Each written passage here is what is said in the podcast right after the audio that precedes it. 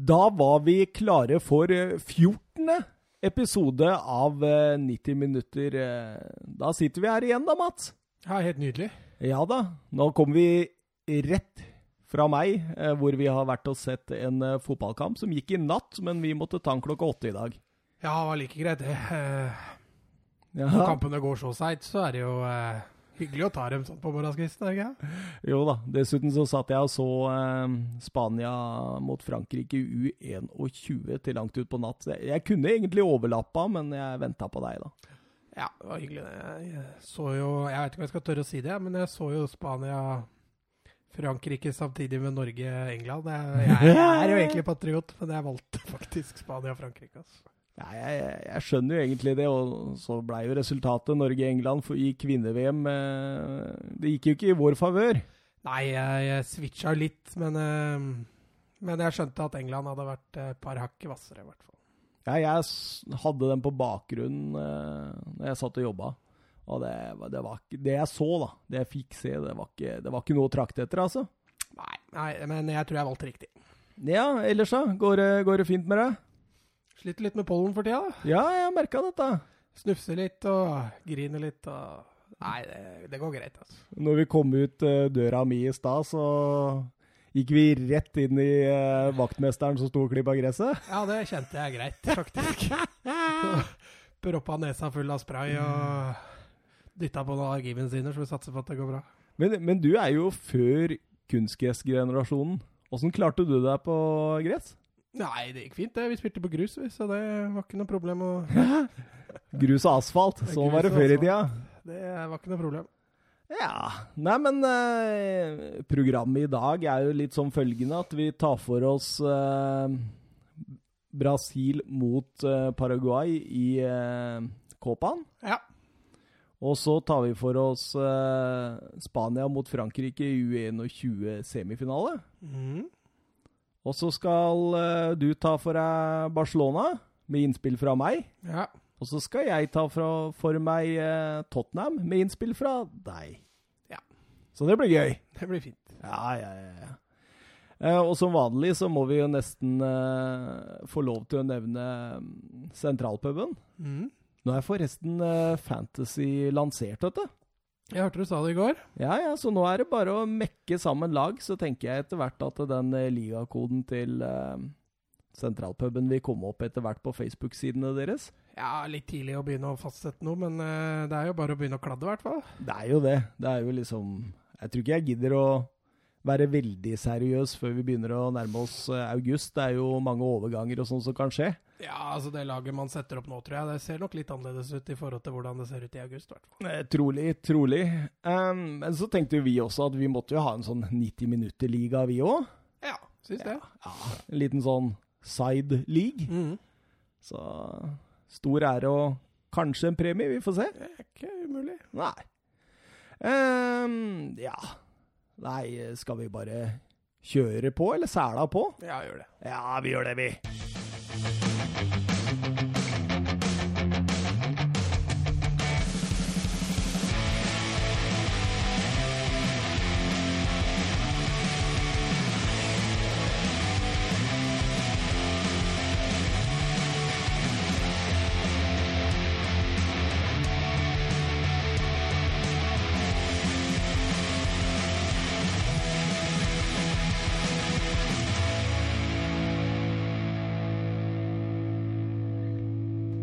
Ja da, da blei vi enige i løpet av introen her at vi skulle bare hoppe rett i det, Mats. Ja, vi gønner på, vi. Så da, da er det nærliggende å ta den kampen eh, vi så sist, tenker jeg. For den har vi jo Altså, det er jo bare kvarter sia vi Var ferdig? Ja, så eh, den er det fin å ta nå. Ja, syns det. Eh, Brasil, Paraguay. eh, Copa de America. Det er ikke noe det der, tror jeg. Er det ikke? Copa America, bare. Copa America. Bare. ja. ja. Jeg lurer på hvorfor jeg tok med det inne der. Jeg tror jeg skal være litt mer fancy enn jeg pleier å være noen ganger. Jeg er ikke, jeg er ikke skapt for sånn, jeg. Rett fram. Copa America. Ja, Var det kvartfinale, eller? det var Ja. kvartfinale. Nå er jeg forberedt. Eh, Brasil eh, hadde jo et lite midtbaneproblem der, fordi Casemiro var suspendert, og Fernandinho hadde vondt i kneet sitt. Og Rikarlison eh, var ute med kusma, etter hva jeg har hørt. Såpass? Ja da. De har ikke den vaksina der nede, altså. Nei, tydeligvis ikke. Så åssen var det Teach ordna dette på midten, da? Ja, han kjørte jo Arthur og Allen, Allen, Allen sentralt. Eh, og så dytta han Jesus ut på høyrekanten. Mm. Og så fortsatte han med Coutinho bak spissen og Everton på venstre, og Firmino da fortsatt på topp. Ja. Og um, defensivt så var det som det normalt uh, bruker å være. Brasil har jo ikke sluppet inn mål så langt. Nei, de lå med samme fireren eller femmeren, da, hvis du regner med Alison eh, bakerst der. Ja. Uh, Paraguay på sin side, ja. Fikk du plukka opp formasjonen? Det var det Altså, på Grafikken tilsa jo 5-4-1, men, men altså, den ene stopperen der, den, eh, den gikk ofte fram i midtbaneleddet. Så det kunne jo fort også være en slags 4-4-1-1-formasjon. eh. Ja, for du så veldig ofte at eh, Firmino skulle ikke få rettvendt seg. Nei, så de starta jo offensivt, så lå de jo i en slags eh, 3-5-2-formasjon, og defensivt så, så blei det fort 5-4-1, altså. Ja, absolutt. Det var eh, balanse som var eh, nøkkelordet der. Ligge, ligge tett med ledda og satse på overganger. Ja, ja, ja, helt klart. Almiron eh, alene på topp, eh, eller om han eh, så fikk litt hjelp av Derelis Gonzales, det Ja, altså utover i matchen, og spesielt etter at Ja, nå hopper vi veldig langt fram i tid, men Gonzales ble jo etter hvert flytta fram som en rein spiss, da. Men, Ja. men han hadde mye mer defensivt ansvar uh, i starten. Ja, for han lå litt mer i brett, da. Ja. Eh, så hørte jeg kommentatoren si det at eh, Paraguay eh, har ikke tapt eh, mot Brasil på de fire siste Copa-oppgjøra. Nei, altså i sluttspillet så har de ikke Så hadde de slått Brasil de tre siste gangene, faktisk. Slått ut Brasil. Mm. Så Paraguay var ikke noe smågutter, dem, i forhold til det. Men de hadde jo tatt i bruk straffekonk to av de tre gangene, så Og den ene straffekonken hadde de vunnet 2-0. Ja, det var 2011, tror jeg han sa. ja det stemmer. Det, det, er, eh, det er spesielt. det er ganske spesielt for en straffesparkkonkurranse. Uh, ja um, Så kampen starta, da, og Og det var ikke mye å trakte etter, egentlig. Nei, altså Paraguay lå jo som sagt eh, relativt lavt. Eh, Paraguay imponerte jo for så vidt eh, disiplinmessig. De hadde et ekstremt aggressivt press så fort Brasil nærma seg midtbanen. Og Brasil de, de var svært lite gjennombruddssissige. Det var ball på fot hele veien. og når ett lag går ut med såpass defensiv innstilling, og det andre laget da ikke har tempo i ball, og sånne ting, så, så blir det jo litt kjedelig. Da blir kampen sånn som kampen ble i starten der. Ja, det blir det. Det var voldsomt òg. Det var eh, altså Det var som jeg sa til deg, at jeg, hadde jeg sett denne i natt, så hadde jeg nok sovna. Ja, første omgang Jeg ja, forsovet utover andre andre, men det var eh, Det gikk relativt sakte, og Brasil eh, virka litt planløse, altså i forhold til at den planen de hadde lagt, ikke fungerte optimalt. Ja, men det laget de stiller, da, er best når de tar en tidlig ledelse, eller et lag møter dem litt høyere. Helt klart. Så når du møter dem så lavt som det Paraguay gjorde, og samtidig også hadde et så eksplosivt press når de først pressa, så du, du så at de blei litt rådville, rett og slett. De klarte, de spilte mer bakover og sidelengs, og det var sjelden oppover og rett på fot, eh, som regel. Ja, altså Paraguay var veldig flinke til å stenge, stenge veldig mye rom, spesielt på deres egen banehalvdel. og Kombinasjonsspillet til Brasil i oppbygginga fungerte, fungerte svært dårlig eh, pga. det aggressive presset og, og det at det var, eh, det var lite rom å angripe i mellomrommet.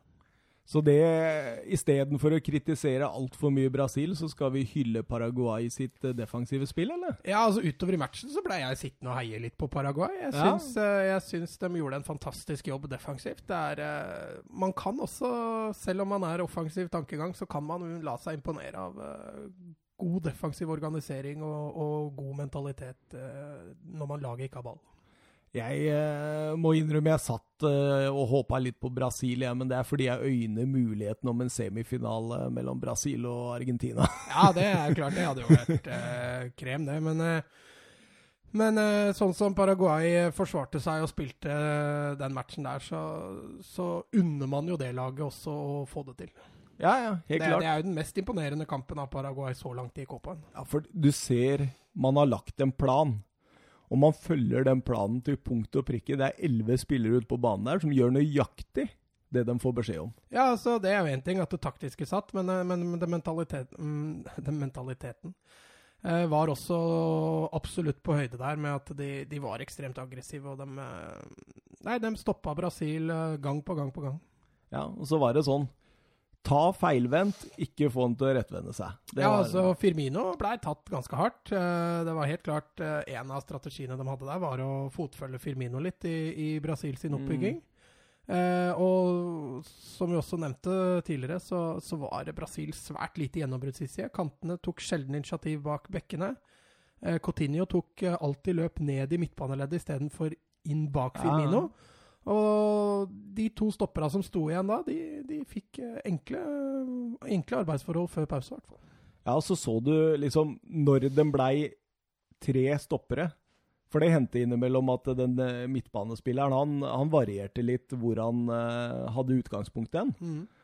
Og når han falt ned i uh, trebekken bak, og hver gang det ble spilt opp på en brasiliansk eh, spiller feilvendt, så var det én av de tre da mm. som fulgte. Ja. Men hvis de bare var to baki der, to sentrale stoppere, så var det ikke alltid de tok det løpet. Da skyvde de heller en av midtbanespillerne ned i det rommet. Ja. Så det var hele tida en sånn plan og en eh, oppveiing. Og det, jeg må si at han der eh, Gomez, han stopperen her, han kapteinen, han eh, leda de troppene bak der med en Jeg blei skikkelig imponert, faktisk. Nei, de hadde veldig god kontroll, og, og spesielt da i første omgang med, med nettopp Gomez, som styrte, styrte butikken bak der. Men den første sjansen, da, den er det jo faktisk Paraguay som får. 28 Ja, altså, minutter. det er jo ikke, ikke faktisk heller. Altså, de, de eh, hadde tydelig plan på, på, på måten de skulle eh, angripe på. Det var kontringer. og Når de hadde så bra aggressivt press, så fikk de også ofte ballgjenvinninger eh, i gunstige posisjoner. og De fikk jo eh, kontra inn en stor mulighet der. Ja, det var eh, en kjempestor sjanse der. Fra, han kom fra skrått hold der og Men det var vel etter en dødball, hvis ikke jeg husker rett feil, at det var eh, som en konsekvens etter Ja, en dødball. i hvert fall. Men eh, han eh, Ja, den blir slått inn tilbake igjen på bakerste der, og de kommer ganske skrått mot Alison, men Alison eh, får flikka han inn i stolpen og ut. Ja, det er jo en, altså en meget kvalifisert redning, og så så vi sånn sakte replay der, så, så kunne nok Jeg er ikke sikkert den hadde gått inn selv om Alison ikke hadde vært på den, men da hadde den nok gått stang og ut igjen i, i feltet, så absolutt en kvalifisert redning, det. Ja. Og så går vi faktisk til eh, pause, for det skjer ikke så mye mer. Jeg sier til deg at uh, jeg har bare 0-1 i sjanse til Paraguay her. Så sier du til meg at uh, du tar ikke med den Coutinho, altså. Ja, altså Coutinho brøt jo gjennom, men han kom jo veldig skrått på og skøyt midt på keeperen. Så, men ja, nei, nei, jeg bør ikke, regne det som en sjanse, kanskje.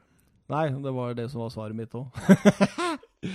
nei, ballen gikk veldig seint. Eh, lite kreativitet. Og Paraguay treffer 100% med taktikken i første omgang. der. Ja, definitivt. De frustrerte Brasil. eh, De frustrerte Brasil, rett og slett. Ja, og så eh, velger Brasil å gjøre et offensivt bytte ut med Filipe Luis, eh, som har eh, hatt en sånn mediocre kamp, og inn med Alexandro for å få litt mer tyngde offensivt. Ja, Filippe Luis har vel helt klart sine største styrker defensivt, mens Alex Sandro har sine styrker eh, offensivt. Så et egentlig fornuftig bytte. Ja, jeg syns det sånn kampen var, og mm. etter 53 minutter der, så Det, det vil vi kalle en kampens nøkkelsituasjon. Når eh, Jesus får eh, vente eh, venta to-tre mann der og sendte en nydelig ball igjennom til Firmino. Ja, det var et nydelig forarbeid av, av Jesus, og det beste han gjorde hele matchen, hvis du ser bort fra straffesparket. Um, og så blir det jo litt situasjoner i ettertid der, da. Han dømmer jo først straffe. Ja, for det er Balbuena. Han uh, kommer jo inn i Firmino. Firmino faller. Ja, det var egentlig en fantastisk kamp. uh, også han eh, Balbuena. Ja, han var god. Altså det, han sto lenge på min fantasy trepoenger før den situasjonen der. Ja. Men det er klart det at eh, når eh, ja, dommeren dømmer straffespark, VAR går inn og sier hei, ta så se på den der her litt. Uh, er ikke den utafor? Og så uh, går uh, dommeren bort til VAR-skjermen sin og står der ganske lenge. ja. Og så finner han ut at dette var på utsida. Rødt kort til Balbuena, frispark. Altså, Nå fikk jo ikke vi noe veldig gode bilder, eh, så det var veldig vanskelig å se om den var innafor eller utafor. Men samtidig, idet VAR gikk inn, så forutså hva vi kom til å skje. Ja, altså Men det var litt det jeg sa også. Det er litt rart at de i bussen ikke kan bare ta den eh, avgjørelsen sjøl. Altså, er den utafor, så er den utafor. Ja. Jeg bør ikke ha dommeren bort og se om han er utafor da. Eh, Og tar Balbuena sistemann, så er det jo rødt kort i den situasjonen. Ja, det er jo riktig. Eh, Det er jo ny regel at dømmer du straffe, så skal du ikke gi rødt kort eh, pga. dobbeltstraff. Og så fort han da dømte utafor, så, så blei det jo rødt. Hva tror du hadde vært det beste for Paraguay? Hadde det vært straffe og, og Balbuena gult, eller hadde det vært uh... Nei, jeg tror det var det beste som skjedde for Paraguay. Ja, jeg tror ikke kanskje det. Men samtidig, da, da var jo fortsatt kampen ganske jevn. Etter dette så styrer jo Brasil. Ja, det blei jo som du sier, det var en nøkkelsituasjon i matchen det der. Eh, De bommer jo på frisparket, men eh, etter det så begynner jo Brasil å skape. Eh, Og da blir det jo et langt vedvarende trykk. Ja, det er voldsomt, altså. Da begynner de å få litt rom, og ja, jeg, ser, jeg ser han godeste Paraguay-treneren, han uh, setter inn en stopper til. Så da, da var det jo liksom uh, Han skulle gå ned der i en toer, så det ble en 4-4-1 da, etter hvert. Ja, altså, de dytta jo Almiron ut på venstre, og så, og så satte de inn en, en stopper til. Eh, og så skulle de jo forsvare dette inn. Ja. Det var ikke så mye tvil om det. Så det ble nesten en 5-3-1 eller 4-4-1 ettersom, da. Ja, de eh, justerte jo litt der, og, og når de virkelig ble pressa bakover, så spilte de jo med tre stoppere, mens de få gangene de greide å flytte litt laget opp, så justerte de til en 4-4-1. Men uh, det tar 73 minutter før jeg uh, skriver eh, sjanse på mine notater her. Ja, ja, men det stemmer nok det. De brukte jo litt tid på å finne dette her. Å komme seg og få rytmen inn igjen. Men, men, men trykket begynte jo allerede etter 60 minutter, Ja. selv om det ikke skapte de store sjansene. Men et bytte til som ble gjort der, var jo når de fikk inn, fikk inn William, som var en liten game changer, det også. Ja, for han la seg helt ute på høyresida. Ja, for etter at, Brasil, nei, etter at Paraguay ble redusert til ti mann, så, så begynte jo Brasil å bruke kantene mye mer eh, Mm. eh, aktivt for å komme rundt. Ja, for Paraguay ble jo smalere. Ja, uh, William og, og, og Everton fikk mer rom å boltre seg, og de trakk seg både rundt og ned til dørlinja, og gikk inn i og skjærte innover. Så det ble plutselig mer farlig fra kant med en gang. Var det et aldri så lite genistrek av Titche der, og så skjønner det at det nå blir eh, Paraguay smalere, så da setter vi på en veldig bred breddeholder. Ja, altså Han la jo om til en treer bak uh, utover der, uh, og så ofra han Dani Alves uh, for å få inn en fjerde angriper, og så dytta han Jesus inn som spiss sammen med, sammen med Firmino, og det, det var ikke så dumt, de byttene der. Nei, det var ikke det. Og for en dobbeltsjanse de får etter 73 minutter. Ja, det ender vel med skudd utafor, hvis det var den du tenkte på? Ja, det er Everton som uh, drar av to mann på venstre og legger inn. Det er der Coutinho header bakover. Ja, stemmer. stemmer. Han uh, oh. la den igjen, rett og slett. Ja, han la den igjen. Han prøver å heade på mål, men han legger den igjen til Jesus, som kliner ballen utafor fra fem meter. Det, den er gedigen, altså. Ja, først så har du Coutinho som må, han må jo ha feilberegna. Det ser jo kjempedumt ut når han henter den bakover der, men, eh, men så får, blir det jo en kjempesjanse, og han bommer jo på mål, så det, Hadde det vært med vilje, hadde det vært genialt. Men hadde Coutinho hedda på mål, så hadde jo det kanskje vært en enda større sjanse igjen. Ja, og hadde det vært Firmino, så hadde han sittet i mål allerede på 1-0 der. ja, det kan fort hende. Men eh, presset fortsetter, og eh, det, da begynner det å åpne seg voldsomt. eh, 75 minutter, eh, William eh, fra høyre. Og de klarer å rulle over til venstre, der Everton står i enden og kline ballen via keeper og ut i corner. Ja, altså, må jo hylle keeperen til Paraguay. Han var bra. Han, eh, han eh, har flere matchvinnerredninger, og spesielt etter utvisninga så, så må han i aksjon flere ganger. og men eh, så, eh, som vi var inne på, Brasil blir flinkere til å bruke kanta. De gjør, noe, de gjør et par håndballopprullinger eh, der, og det er en stor sjanse han får der, altså, som Fernandez redder. Jeg likte han der Roberto Fernandez. Han var liksom så rolig og avbalansert type, liksom. Ja, han stressa ikke, han. han du så liksom så ut som han hadde kontroll hele veien. Spiller til daglig Botafogo, er 31 år, så det er, det er vel ikke noe for europeiske klubber. Ja, 31, er ikke det keeperens beste alder? Jo, det er kanskje det, men det er jo sjeldent. Ja ja, du veit aldri. Det kan jo komme noe Men, Empoli eh, eller noe. Ja, Paraguay har jo gode keepertradisjoner. Jeg vet ikke om du husker Chilavert? Ja. Han eh, var mye landslagsmål, hadde han. Ja. 37 eller noe? Ja, det var voldsomt. Han klina i en frispark og straffer og alt, han. Ja, han var, eh, han var artig. Han var artig. Litt sånn eh, typisk søramerikaner. Husker Higuita og Ja, ja. Chilavert og gutta boys her. Ja. For ikke nevne Jorge Campos. Ja, for ikke nevne å Campos. han som sydde keeperdrakta si av kjøkkengardiner. han spilte mot Norge og han i VM i 94. 94, Ja. ja. Artig kar. Um, ja, eh, altså det er, det er ikke noe annet enn å si. Eh, Brasil Paraguay bakover og bakover. Eh, Paraguay blir smale, de blir lave, og de eh, produserer voldsomt mange sjanser fra høyre kant og venstre kant. Ja, de, som vi var inne på, så blir Brasil smarte når de bruker kanta sine i, i avgjørende fase av angrepet, eh, når Paraguay blir så smale. Men igjen så kan du hylle Paraguay igjen for det oppofrende forsvarsspillet de dreier med i egen boks der. altså det... De forsvarer boks. Ja, altså, ja, Vi snakka jo om at Fernandez gjorde noen avgjørende redninger, men gud bedre ofre de, ofte de ble blokkert, eller at de gikk via og utafor. Nei, Paraguay de, vi satt, Jeg satt jo der på slutten og sa nei, nå håper jeg Paraguay får noe ut av dette. For det er til innsats, altså. Ja, ja. Og jeg, eh, jeg tenkte det at uh, her har du stopperen din, Ole Gunnar, Sols Ole Gunnar Solskjær. Han eh, Gustavo Gomez der. Han eh, i sin beste alder, 26 år, spiller i Palmeiras i Brasil. Må jo gå an å få henta ut han for en god krone. Ja, det han viste i den matchen der, i.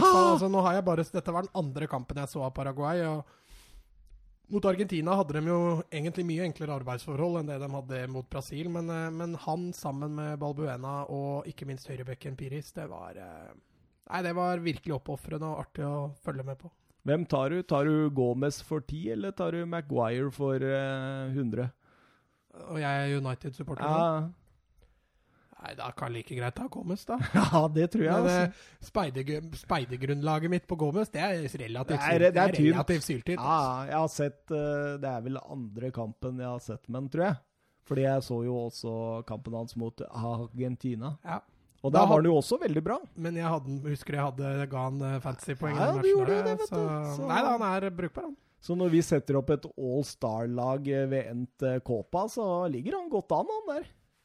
Eh, ja, han er i hvert fall på benken i min verste fall, tenker jeg. Ja. Eh, 88 minutter, ny stor brasiliansk sjanse, og Fernandez eh, redder mestlig etter innlegg eh, der. Eh, jeg husker ikke helt hvem er det som får den, men Jeg tror det var Coutinho, for jeg Ja. sa vel eh, Er det Ferminio, eller er det Coutinho? ja, stemmer det, stemmer det. Nei, det var en voldsom. Og så minuttet etterpå så er det William som treffer stolpen, og det, det var, Der ja, skrøt du eh, avslutningsteknikken. Ja, det var en uh, men altså, Hele prestasjonen, hvordan han trekker seg inn, spiller vegg med Firmino, får den igjen. Og får den over på venstrebeinet, som i utgangspunktet er det svakeste beinet hans. Ja, ja. eh, Men han legger den med innsida rundt keeper og i stolpen. Så det var, det var en strålende prestasjon hvor det kanskje burde ha fortjent en bedre skjebne. Ja, og så er det jo I Kåpan så er det jo ikke ekstraomganger, så vi begynte jo å lakke og li mot straffesparkkonkurranse. Det var Ja, det var jo også de siste ti minutta, så da prøvde ikke Paraguay å kontre.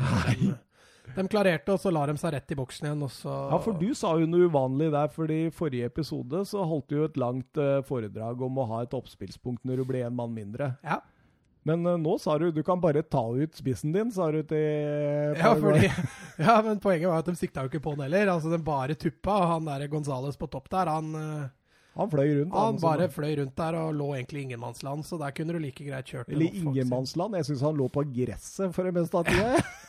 Ja, Det ene var helt på slutten på overtid der, hvor han uh, jaga opp og fikk flyt, laget fikk flytta seg opp. Og det er klart, sånne ting er jo viktig, det òg, når du hele tida forsvarer eh, egen boks. Ja, for do dommeren la til sju minutter pga. litt VAR-greier og sånt, og da Ja det, Fem minutter på overtid der, da får Brasil et par store sjanser. Først en nydelig blokkering av Piris på et skudd fra Everton på rundt 13-14 meter, som ender i corner. Og så kommer Coutinho på skudd, hvor han prøver å køle den i lengste. Den blokkeres også ut i ny corner. Ja. Så det Ja, da var vi litt tilbake til det oppofrende spillet de hadde i egen boks. Altså, Brasil eh, Der gjør jo Coutinho noe feil. For han drar med seg ballen inn i banen hvor det står tre paraguayanere og bare venter på Coutinho. Mm. Så han, han, går jo feil vei. Men eh, igjen, da, når han først har slipper til skuddet der, så er det tre stykker som bare hopper inn i den blokka. og Det var jo nesten umulig å få den på målet. Men jeg tenker jo det at eh, Brasil eh, Veldig ofte så ser du når eh, noen blir ti mann, så, så klarer ikke motstanderen å utnytte den fordelen. Nei.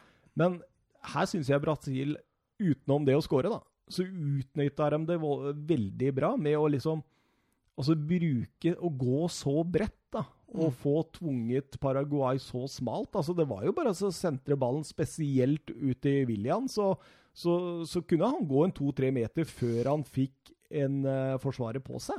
Ja, det syns jeg òg. Jeg er helt enig med deg. De, de utnytta kantspillet sitt eh, meget bra. De fikk dytta Jesus inn sammen med Firmino, som ga dem litt mer Om ikke tyngde, i hvert fall, så ga de dem flere spillere i, inn i boksen. og det blei litt hvassere med en gang. Eh, Jeg stussa litt når han tok ut uh, Allan der på midten. Mista en sentral en, men han dytta jo Mm. Dan, først Dani Alves opp i midten og spilte med tre bak. Og så dytta han jo inn uh, Paketa etterpå fra Milan der. Eh, han fikk jo ikke så mye tid, men, eh, men det var litt fornuftig titch. Ja, Han, absolutt. eh, imponerte. Syns, han gjorde det bra, og det er, det er ikke hans skyld at uh, de ikke hadde avgjort dette til ordinær tid. Nei, altså selv de gangene hvor Paraguay ikke makta å stoppe dem, så brant de jo de sjansene òg, så det var ikke trenerens skyld. Absolutt ikke, så da går vi rett til straffesparkkonkurranse. I den første kvartfinalen i Copa så ble det altså straffe. Ja, de droppa jo ekstraomgangene, så da, Ja. da var det jo rett på straffe, da. Hva syns du om det? Det passa for oss, da, for da fikk vi bedre tid til å spille enn dette. Ja, hvis, jeg sa det jo kanskje like greit at det ikke var ekstraomganger, for da har vi litt bedre tid. Men eh, jeg mener jo at det burde vært ekstraomganger. Eh, ikke Ja. fordi at eh, da hadde Paraguay antageligvis tapt Ja, eh, i det ekstraomgangene, men jeg mener jo, jeg syns det er litt synd at du får den syndebukken på, på straffespark, og at det bør gi en mulighet for å unngå det. Ja, absolutt. Men eh, pga. ikke-ekstraomganger da, så følte jeg at sjansene for Paraguay økte drastisk. Vi gjorde det. Jeg, hvis ikke Brasil hadde klart å avgjort det der etter to ekstraomganger, da skjønner jeg ingenting, faktisk. Nei, sånn som det så ut siste 30 minutta der, så hadde du fått 30 minutter til, så måtte de ha rykket til slutt. Ja, og straffesparkene går. Allison redder første fra kampens kanskje store spiller Gomez. Ja, det var litt synd at han brant den. Ja, det var det. Men, men altså, han, det er en OK straffe, men han skyter den i keeperhøyden. Hadde han skutt den enten langs bakken eller høyere, så hadde han antageligvis gått inn. Ja. William uh, går opp for Brasil og setter 1-0. Almiron setter 1-1, og Marquinhos uh, 2-1. Den er keeper borti. Å, den er ikke Ja, langt unna. det var litt slapt keeperspill av Fernandes. Ja. Han ikke, jeg må hjem og trene venstre biceps. Og så blir det 2-2 der, og 3-2 med Coutinho. Keeper går rett, og så er det 3-3 med Rojas. eh, Helt oppe i krysset. Kampens beste Ja, straffekonkens beste straffe, ja. Ja, absolutt. Eh, Firmino bommer på 3-3 der. Ja, det altså jeg sa det jo, det er ikke så ofte du ser at de eh, setter straffene utafor. Nei, og du hadde, ikke akkurat, du hadde akkurat sagt det før eh, Delis Gonzales setter den utafor òg. Ja, de fikk to straffer som bomma på mål, faktisk. Og da kan Brasil avgjøre, og det er Jesus som går fram. Ja, han holdt eh, kyla, han. Ja, han eh, til tross for eh, bommen mot Peru. Ja, altså da var jo stillinga 5-0, så den uh, betydde jo ingenting. Men uh, nå var det jo 4-4 på straff... Nei, unnskyld, 3-3 på straffekok, så Den hadde jo litt betydning. Han gjør et tilløp der hvor han stopper opp nesten og ser på keeper og har egentlig god kontroll, tror jeg, når han skyter der. Og da er Brasil videre, og da venter vi bare på at Argentina skal eh, ta seg videre også, sånn at vi får drømmesemifinalen. Ja, eh, vi får jo se, da. Argentina har jo prestert svært ujevnt i dette mesterskapet. Hvis de Men de er favoritter! Ja, ja, det må de jo regne med. Men Ja. jeg skal huske på Venezuela. De har sluppet inn fem mål. Ingen Mm. av dem har blitt tellende pga. VAR. Ja. Så de også står jo, står jo uten baklengs. Så, Så de og Brasil har uten baklengs, altså. Det er... Ja, men Venezuela har masse uavgjort, da. Ja. Så nei, vi får se. Uh, Argentina må regnes som uh, egentlig store favoritter, men eh, ja. Det- du veit aldri. Det er Salomon Rondon, han har gjort det før, han. Ja, plutselig at altså jeg, kommer, jeg mener jo det vil, den matchen vil bli avgjort i forhold til hvordan Argentina spiller. Har de den samme aggressiviteten og, og mentaliteten de hadde mot Qatar, så skal det der gå bra. Eh, men hvis de kjører på sånn som de gjorde mot Paraguay og Colombia, så kan det bikke begge veier. Han må, han må fortsette det som han gjorde mot uh, Qatar. Eh, ja, de må bygge videre på det, ja. Ja, med Foyt baki der, med Messi fri rolle bak eh, Latiro og, og Aguero. Ja, jeg tror de skal begynne der. Eh, gratulerer Brasil eh, videre til semifinalene. Skal vi dra fantasypoengene våre, eller? Ja, jeg eh, gjorde så godt jeg kunne, men eh, jeg Ja. sleit med å fremheve noen Brasil-spillere. Altså, Ja. Everton og William var vel kanskje de nærmeste, pga. sånn de spilte de siste 30. Ja. Men jeg endte opp med tre Paraguay-spillere. Skal vi se om jeg får fram arket mitt her. Der var det der. Gomez får tre stjerner. Selv med straffebom så er han i mine øyne kampens store spiller. Ja. Eh, Høyrebekk Piris får tre. Nei, unnskyld, to. ja. Han, de siste 30 så, så blokkerer han to skudd som antageligvis hadde gått i mål. Så helt avgjørende. Og keeper Fernandes får, eh, én. eh, Som vi sa, han hadde ikke så mange redninger før det var spilt 60 minutter, men han får noen matchavgjørende etter det. Og da sier jeg som følgende at jeg skulle tro vi har snakka om dette. Det, men det gjør vi ikke, altså. Vi, vi holder korta tett i brystet, men, uh, Men det påvirker litt når vi sitter i samme rom og ser kamp. For vi, ko- vi sitter jo og og kommenterer, liksom. Mm. Men det er faktisk eh, nøyaktig det jeg har. Ja. Så Men ja, nei, det var også som du sa, Balbuena også var jo, hadde jo antageligvis vært på den lista hvis ikke han fikk eh, rødt kort tidlig i andre omgang. Og, og ja, William Everton var vel kanskje de nærmeste brasilianerne. Men, eh, men Brasil spilte jevnt over litt under pari, og da blir det vanskelig å Når ingen fremhever seg på det laget. Helt klart. Helt klart. Men nå, Mats, nå skal vi over til noe jeg veit du har gleda deg til. Ja, jeg, jeg må jo si at dette U21-EM-et, de har, det har vært, de har vært eh, solide saker, altså. Ah, for en angrepsfotball det har vært i den uh, turneringen. Altså, er du glad i fotball, og du ikke har fått med deg U21-VM, så har du gått glipp av noe stort. Ja, eh, U21-EM EM, er, er, er eh, helt klart vært en positiv ikke, Jeg vil ikke si overraskende, for så vi visste jo at det var bra fotballspillere der, men at det skulle være så hva skal vi si, propagandafotball, det, det overrasker lite grann. Ja, og når, og når du ser de altså, Vi snakka om det Allstar-laget som ikke fikk bli med, men som kunne vært der, så har vi mye å glede oss til i framtida, altså. Ja, ja, det, det har vært eh, Så er det noen du drar fram litt der som du kanskje ikke tenkte så mye på, og så er det noen som eh, Ja, jeg må si Romania har vært eh, Det har vært eh, artig å følge dem. Ja, det har vært fantastisk. Absolutt.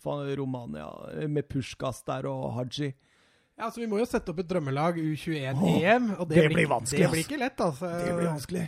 Den spissplassen der hvor du har en tysker som eh, er overlegen toppskårer, og så har du en Puskas som har uh, overraska stort. og Ja, og så syns jeg de to antatt beste stoppera før turneringen eh, starta, altså Konaté og Jonathan Ta, de har ikke vært voldsomt bra. Nei.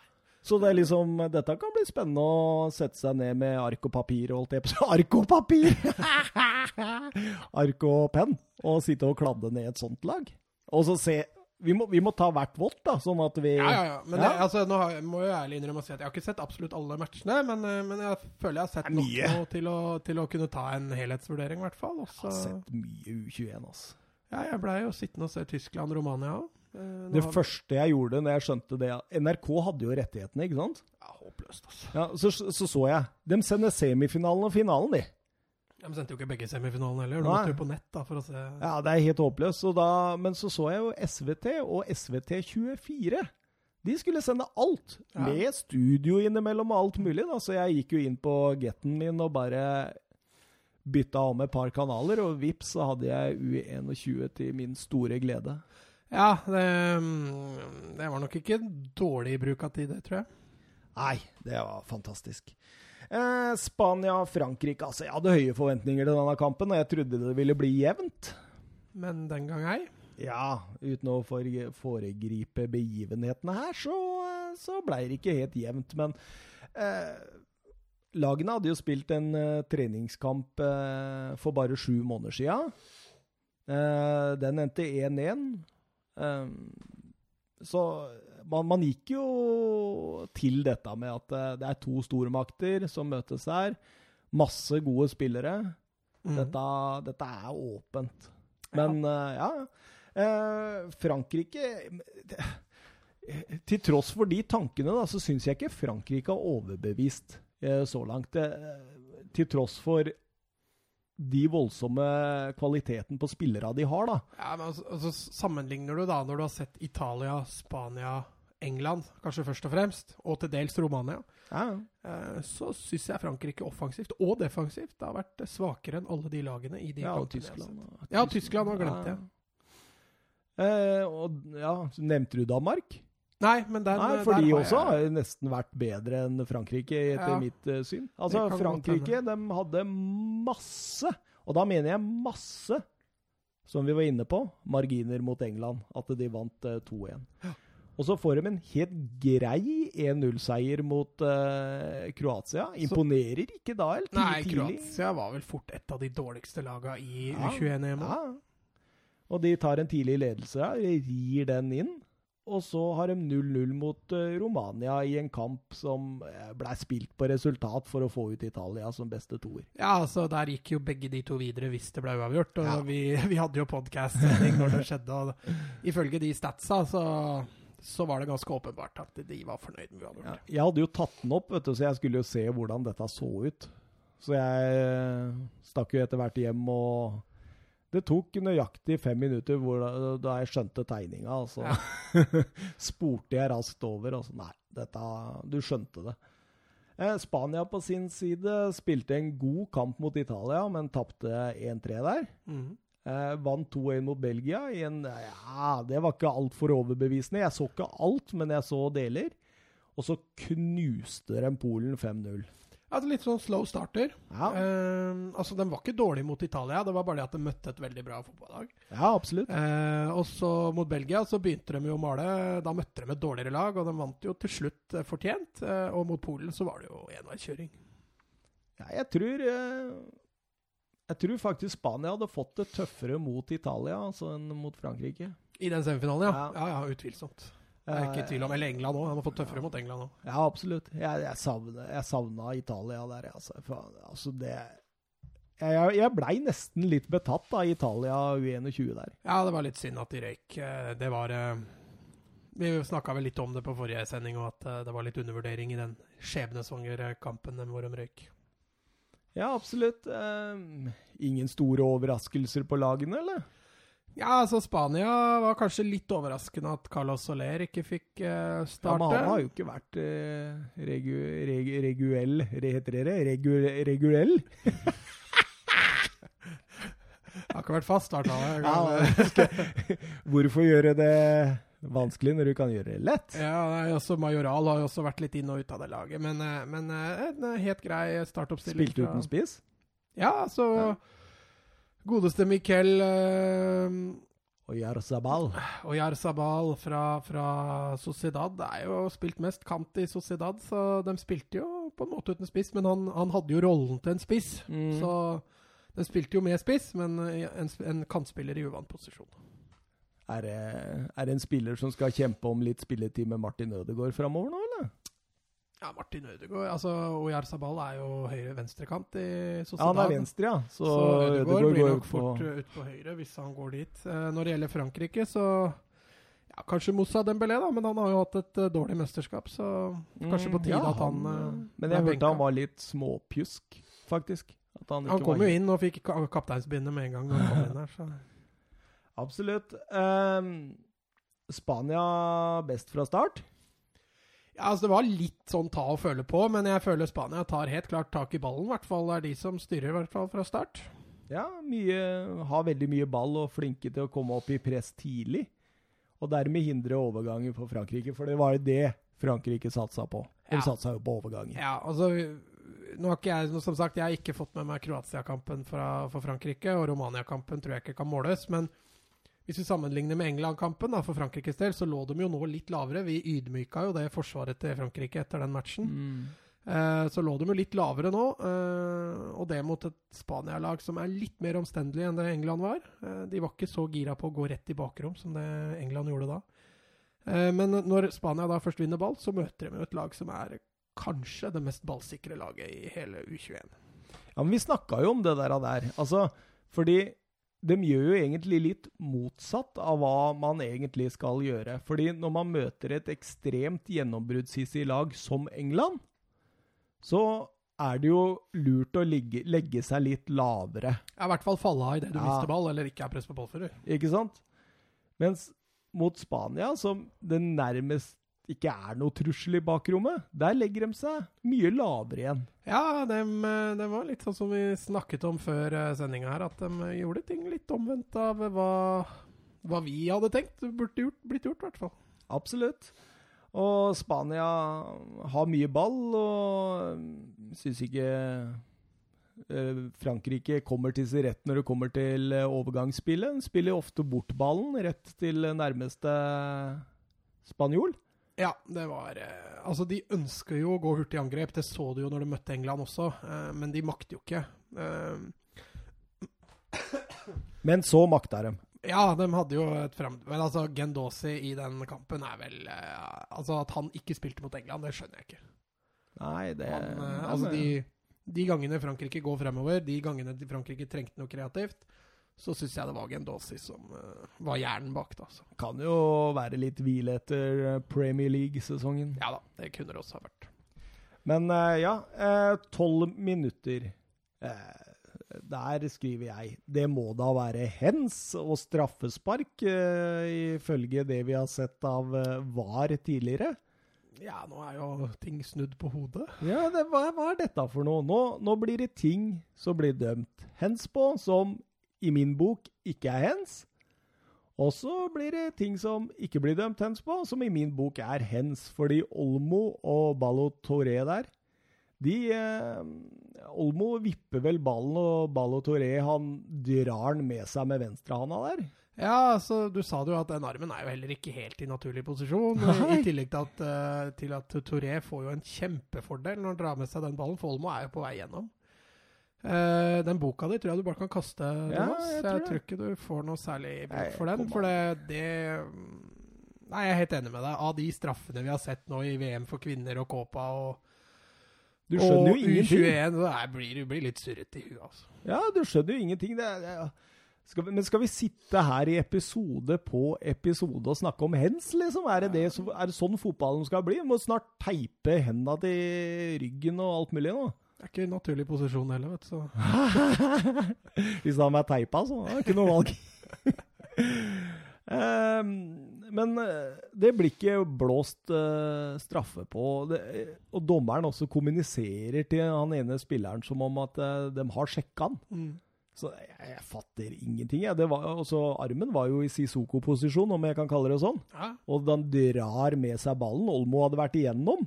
Det er jo soleklar. Altså, det er, det er jo den straffa Altså, etter vi starta opp podkasten og snakka om alle VAR-situasjonene med hens, så er jo dette den straffesparket som hadde vært klarest i min bok. ja. Jeg kan være enig med deg. skjønner ingenting. Og så, og så tar det ett minutt, og så får Frankrike straffe.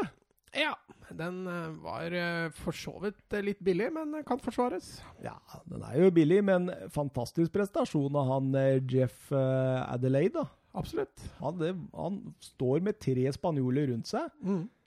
og så bare finner han ut at nei, jeg vender av og setter fart, og han setter fart i akkurat de rette romma. De kommer ikke opp inn, og Firpo han er innom en på sånn 11-12 meter der. Ja, litt, litt klønete forsvarsspill der, hvor du feilberegner farta til motspilleren og, og kommer, havner på bakpå. Og så prøver han jo å hoppe unna, men eh, han Ja, Blir jo truffet truffet litt der. Det er kontakt, men han vil ned òg. Ja da, han er på vei ned når han blir Ja. truffet der, så det er litt konstruert. Jeg skulle ønske de ikke dømte straffe på sånn, da, ja, egentlig. Ja, som er litt konstruert, Ja. ja. Ja, jeg skjønner Skulle jo det, men, men samtidig da, så er det jo Det går fint an å forsvare, for det er kontakt der, og spilleren blir jo hindra, så Så du hun der av Lise Marie Utland for eh, Norge i går, mot uh, England? Nei. Nei, hun, altså den engelske eh, bekken slår en uh, støttepasning tilbake til keeper, og hun rekker den rett før keeper. Og alt hun trenger å gjøre, er å bare subbe litt med foten, altså sette foten litt ned, så blir hun tatt. Men hun prøver å holde seg på beina, hun klarer å holde seg på beina. Og hun setter ballen på mål, og den blir redda på streken. ja. Altså, det hadde vært et klart straffespark, hadde hun bare satt Konstru- ned foten. konstruert ja, konstruerte den. Men hun gjorde ikke det. Kudos til fotballjentene. Absolutt. Det, Skulle vært mer av det der greiene der, og så skal de mannfolka begynne å holde seg på beina. ass. Det er nesten flaut å se på. Ja, men det er- handler jo om å lure motspiller og dommer Ja, veldig ofte. Og, det, Ja, og så kynisk har det blitt, da. Mm. Ikke sant? Det er såpass mye penger og ære og makt og alt det der, der i dette nå, at du, du må benytte deg av alle verktøya for å kunne vinne, fordi toppfotballen er så ekstremt eh, på så stort level, da, på en måte. Ja, altså, det handler om, handler om resultat veldig mye. Ja, Og, og marginer, ikke sant. Det er, det er masse marginer, fordi det er så ekstremt mange bra fotballspillere og fotballag der ute. ja, altså Klarer du å lure dommeren, så benytter veldig mange seg av det. Ja, sånn sett, liksom, det er sånn Jeg tenker på også som, som eh, en eh, litt sånn trist Tottenham-supporter etter Champions League-finalen, for å ta fram det òg, da. Men det, for en prestasjon det er av Tottenham å liksom ta seg til den finalen. Skal man ikke være litt stolt av det? Jo, hvorfor er du ikke stolt av det? Nei, jeg er mest trist. Du, er mest... du får bytte lag. Du? Liverpool trenger nye supportere nå, så. I går så kom det på Facebook vet du, en sånn greie om at det, se seks minuttene til Klopp etter eh, dommerne hadde blåst av kampen. Og så satt jeg og pina meg gjennom da, seks minutter med Klopp, hvor han klemte Liverpool-spillere, jubla mot publikum, eh, jubla med spillerne sine og trøsta Tottenham-spillere. Altså, jeg satt og pina meg gjennom det, til jeg nesten var litt sånn Åh, Men nå sklir vi litt ut, eller? Nei! Snakka, snakka om straffespark til Frankrike, og nå snakker vi om Klopp i Champions League-finalen. Via kvinnefotball-VM, liksom.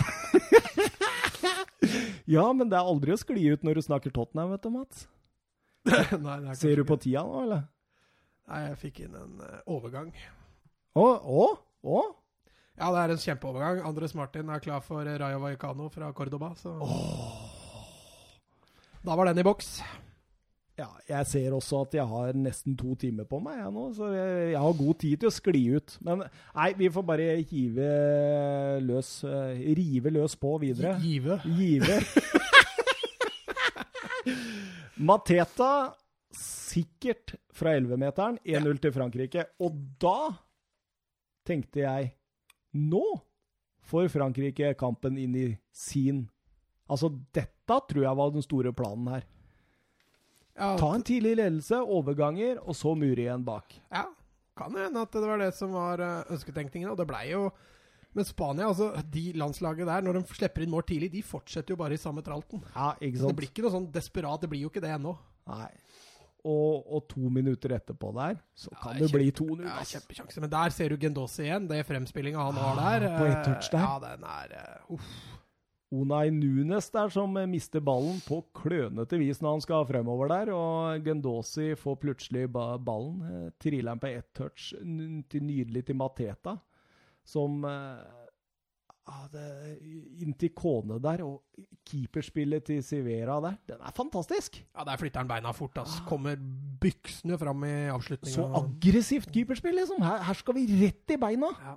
Du skal Så- ikke få sjansen til å avslutte, omtrent. Men uh, nei, det var et nydelig keeperspill. Uh, Hvor spiller han Sevira? han spiller i uh, Alaves, eller? Er Ja, han er andrekeeper i Alaves. Ja, ja. Stemmer. Tenk at jeg visste noe oh. Ja, jeg, du tok meg litt på kornet der, men det var bra du sa Alaves, for det, da huska jeg det. Eh, 24 minutter. Et nydelig spill av Spania. Ender med at eh, Firpo får den omtrent på dørlinja og slår den flatt inn foran mål. Har en på første, en på 45 og en på lengste, men ingen kommer på ballen. Altså, Nei, altså- For et angrepsspill! Når, eh, når eh, Spania bryter gjennom der, og så kommer Firpo ned. Han bruker to touch, og det gjør at bevegelsene i boksen stopper. Og når han da klinker den ballen med den hastigheten inn, så står det altså tre spanjoler helt rolig inne i Mhm. 16-meteren. Hadde det vært litt bevegelse inn på bakerste, var vel Fabian som sto på bakerste der. Hadde han kommet i fart der, så hadde det vært 1-1. Så nøkkelen her hadde ligget i at Firpo slo den inn på første. Ja, eller at de inne i boksen ikke stoppa bevegelsen sin. Ja. Spesielt Fabian på bakerste, for han kunne jo satt eh, blank kasse eh, hvis han hadde fullført løpet der. Men for et Altså, det, det angrepsspillet der var nydelig, altså. Ja, det var som å se A-laget til Spania i sine beste tider. Altså, Du så måten Spania bygde det opp på i første omgang, var jo at uh, Olmo og, og Fornals trakk veldig mye inn fra kanta sine for at uh, Junior Firpo og Martin på høyrebekken skulle komme rundt. Eh, og, og Firpo fikk jo veldig mye baller å jobbe med i første omgang. Han var god. Han trakk ned til, kom jo ned til dørlinja stadig vekk. Og bare to minutter etterpå der, så er Spania det er farlig igjen. Klabb og babb etter eh, et nydelig angrep som ender med skudd fra Fornals Det er fra seks meter. Men en fantastisk redning av Bernardoni i eh, Frankrike-målet. Altså, han Barthes? ja, men- Tenker du Barthes, eller? Ja, utseendemessig. Men altså, for en opp- og ned-keeper. Ja. Fra å gjøre ting helt dust til å ja, men det er Barthes, det òg. Ja, det er Barthes, det òg. Ja, kanskje han er Barthes. Den nye Barthes. Det, det bare sier vi, altså. Det er, han er artig. Men det er som du sier. Han eh, har gjort det fantastiske og det mest eh, horrible, faktisk. Ja, så kommer sikkert dit òg, da. Men han har jo en redning i andre omgang der som er veldig uortodoks. Hvor han slipper ballen mellom beina. Ja, stemmer det. Det er jo klønete, da.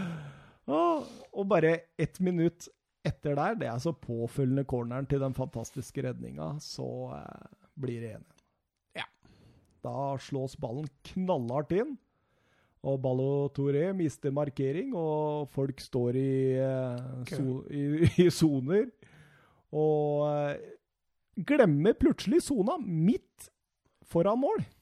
Ja, han fikk stå overraskende aleine, Mark Rocca der, når han eh, får to forsøk.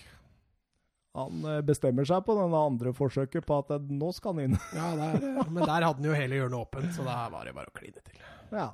Og veldig fortjent, da. Definitivt. At Frankrike leda 1-0 der, det var litt flatterende. Selv om de hadde fått en straff og hadde bomma på en kjempekjanse, så, så var det Spania som hadde spillet, og de hadde minst like mange sjanser som Frankrike. Om ikke mange flere. Jeg skriver her da jeg, jeg må se litt i notatene mine her, fordi jeg, jeg registrerte noe.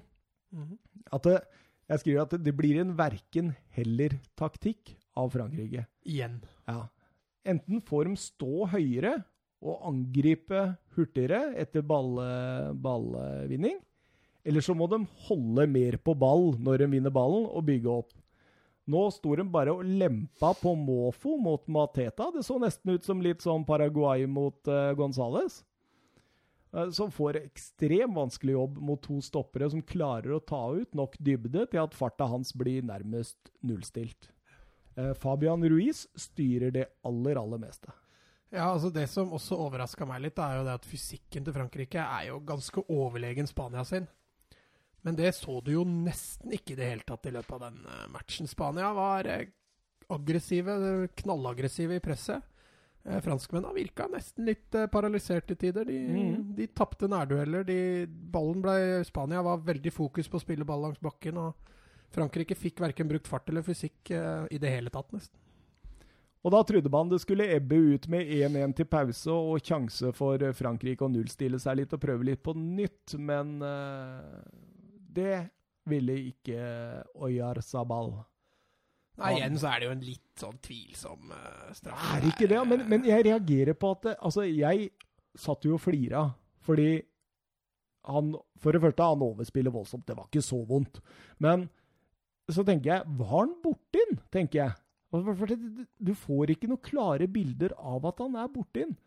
Eh, men så reagerer jeg på at eh, Konate Han klager jo ikke i det hele tatt til dommeren. Nei, men det, for meg ser det ut som han tråkker på den, altså på, på rista På- eller på tæra. da. Ja. Eh, men det er som du sier, altså det er en voldsom overspilling. Eh, dommeren, eh, Jeg veit ikke om dommeren kanskje følte at han ga en litt billig straffe til Frankrike, og så tenkte han at greit, her eh, gjør vi eh, scoren likt. Eh, Mm. Det kan godt hende at han ble litt påvirka av det. Men eh, igjen en litt billig straffe, som i, i mine øyne kan forsvares. Ja, og Yarazabal eh, setter eh, ballen sjøl, han. 2-1. Ja, du var jo innom det, at de som blir tatt uh... Ja, og det, det, i pausa på SVT der, så var det Daniel Nanskog som satt som sånn såkalt ekspert. selv, selvutnevnt, i hvert fall.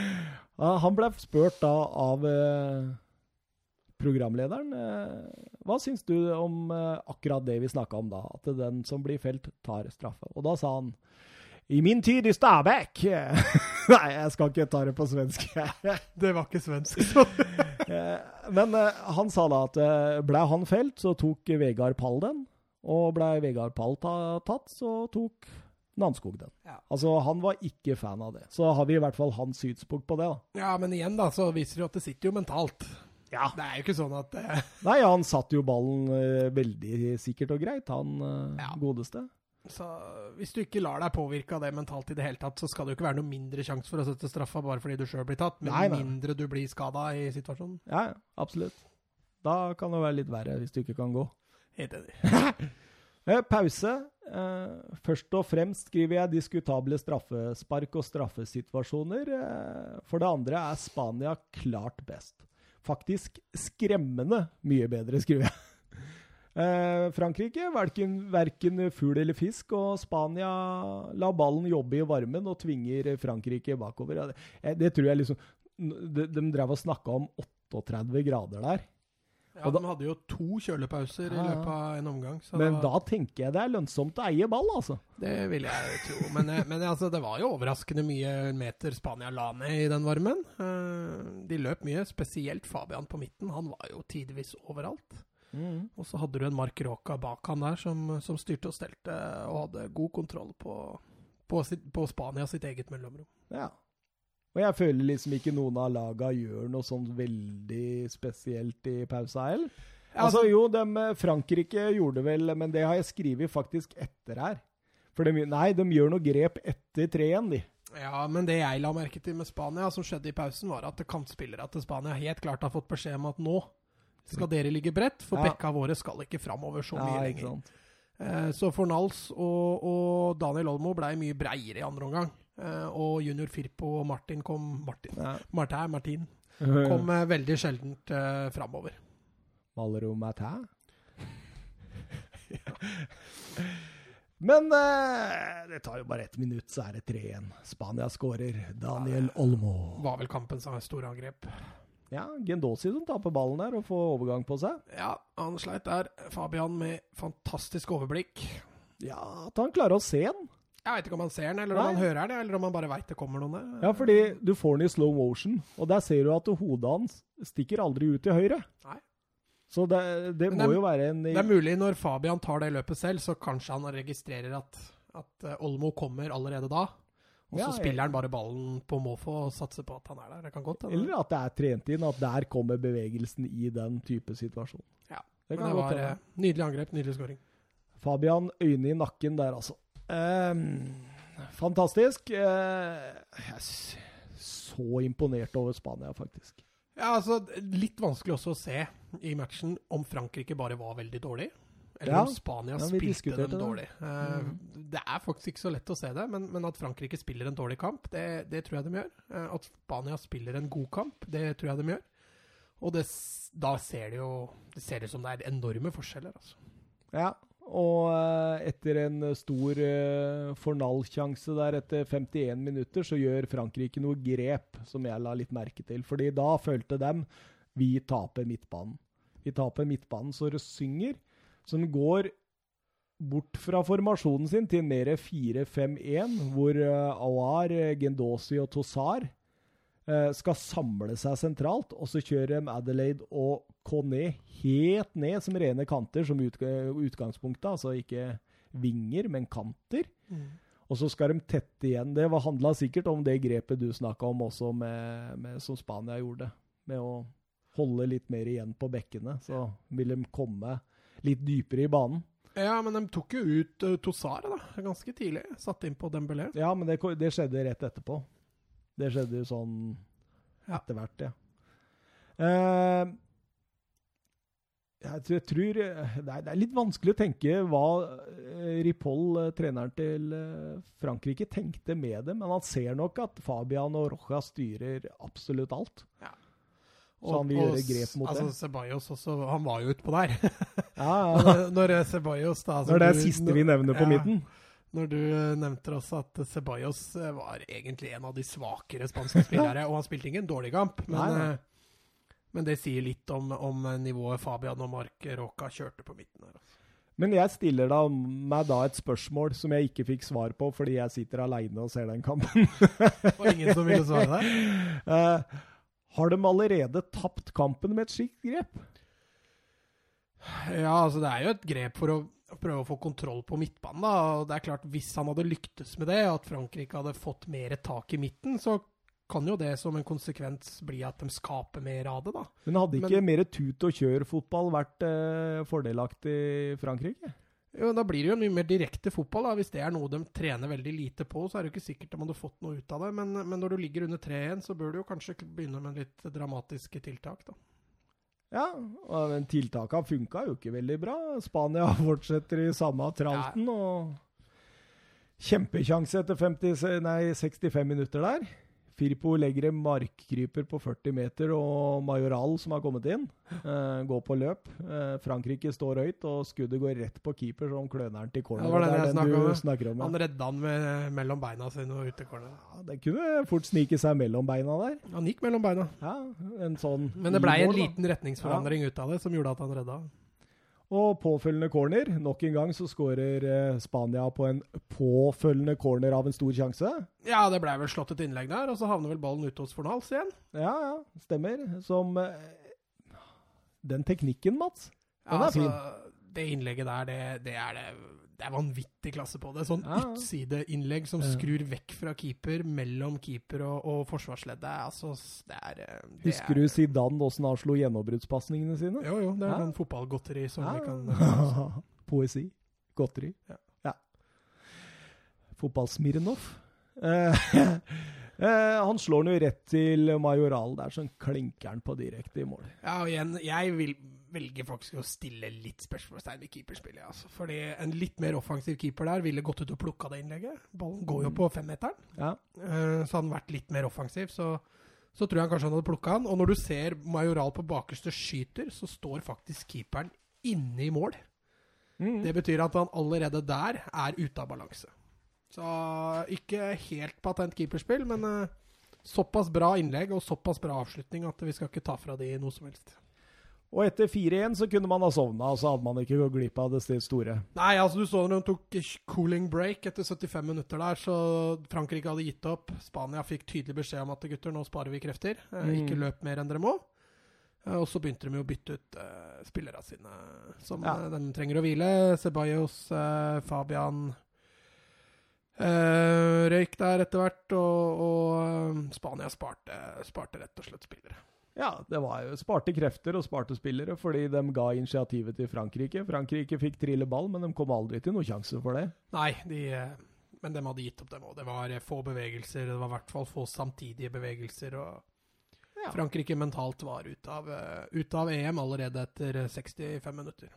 Og som en kuriositet så blir det nesten 5-1 på overtid der eh, med Soler. eh, Kontring, Majoral eh, sender innbytte, Soler alene mot keeper, som skipper elegant Ja, Over. Veldig bra avslutning. Men uh, heltemodig av Ballotter og Toré der, som uh, faktisk tar det løpet tilbake og redder på streken der, og, Ja. og, og risikerer å slå seg forderva i stolpen der. Men uh, ja, igjen, da. Spania kommer jo fire mot to i overtall i den kontringa der. og De legger opp helt nydelig. Keeper kommer ut, er egentlig litt på halvdistanse. Går for tidlig ut, spør du meg der. Og Soler gjør jo det eneste riktige, han chipper. Og så er det, som du sier, Toré, en kjempejobb defensivt. Ja. Og jeg skal eh, make a statement her. Eh, Dette er den beste kampen jeg har sett av noen som helst U21-lag noensinne. Ja, jeg husker ikke alle U21-kampene jeg har sett. Men, eh, Nei, når, men jeg du, når du ikke husker dem, så er det vel kanskje ikke Jeg har aldri følt meg mer imponert, faktisk. Jeg var imponert over eh, England mot Frankrike, tross tap. Jeg var ekstremt imponert over Italia mot Spania. Jeg har vært imponert over andre lag i forskjellige sluttspill jeg har sett opp gjennom eh, tiden. Norge mot, Norge Inkludert mot Norge, faktisk. Norge har vært, gjort det mye bra. Men den fotballen her, det var en sånn totalfotball, en sånn maktdemonstrasjon overfor en annen stormakt, Mm. som Altså, du skulle tro det var eh, at de spilte mot uh, Armenia, liksom. Nei, men jeg sier meg enig. Altså. Jeg Ja. kan ikke huske noe som har vært så veldig mye bedre. Jeg er enig med deg. Jeg syns England uh, imponerte stort i 60 minutter mot Frankrike, men, men den uh, men den hva skal vi si, totale det kampbildet Spania skapte mot Frankrike, det var, det var klasse, altså. Forskjellen på England og Spania i all hovedsak her, det er jo Altså det er, det er på en måte mange av samme like gode type kvalitetsspillere, men det er litt sånn formasjon, og så er det litt sånn uh, defensiv trygghet. For jeg, selv om vi hyller angrepet til, uh, til Spania, så er jo det defensive også veldig bra. Uh, mest av at motstanderen sjelden får ballen. da. Ja, altså de har jo veldig god kontroll, men, men, eh, men Vallejo og, og Nunos bak der, med unntak av den gangen hvor han dribla seg bort, så, så spiller jo de en feilfri fotballkamp. Ja, og Firpo er jo Ja, Bortsett fra at han lager straffe der, så er jo Firpo så meget god, og, og de har en keeper som gjør et par redninger, så Spania ser eh, Altså Med tanke på det Tyskland leverte i sin semifinale mot Romania, og det Spania leverte i sin eh, semifinale, så, så ser jeg egentlig nå Spania som ganske klare favoritter, egentlig. Ja, du spurte jo meg siden jeg eh, svarte Tyskland til, på et eh, lytterspørsmål der, og du svarte Spania, at nå møter jo de to som vi da da Holder du Tyskland som favoritt nå, sa du? Nei. men men, men eh, Tyskland har en sjanse, altså. Ja da, de har toppskåreren. Den soleklare toppskåreren i, i mesterskapet, Waldschmidt. Så blir det en annen fotball ikke sant, enn dette her. Men jeg kan se for meg at dette er en kamp hvor Jonathan Ta kan få slite big time. Eh, Ja. Dette er en kamp hvor han ikke kommer til å få tak i motstanderen. og Da får han ikke brukt eh, styrkene sine. Så får vi se da hvordan Dahoud og gutta på midten uh, står imot.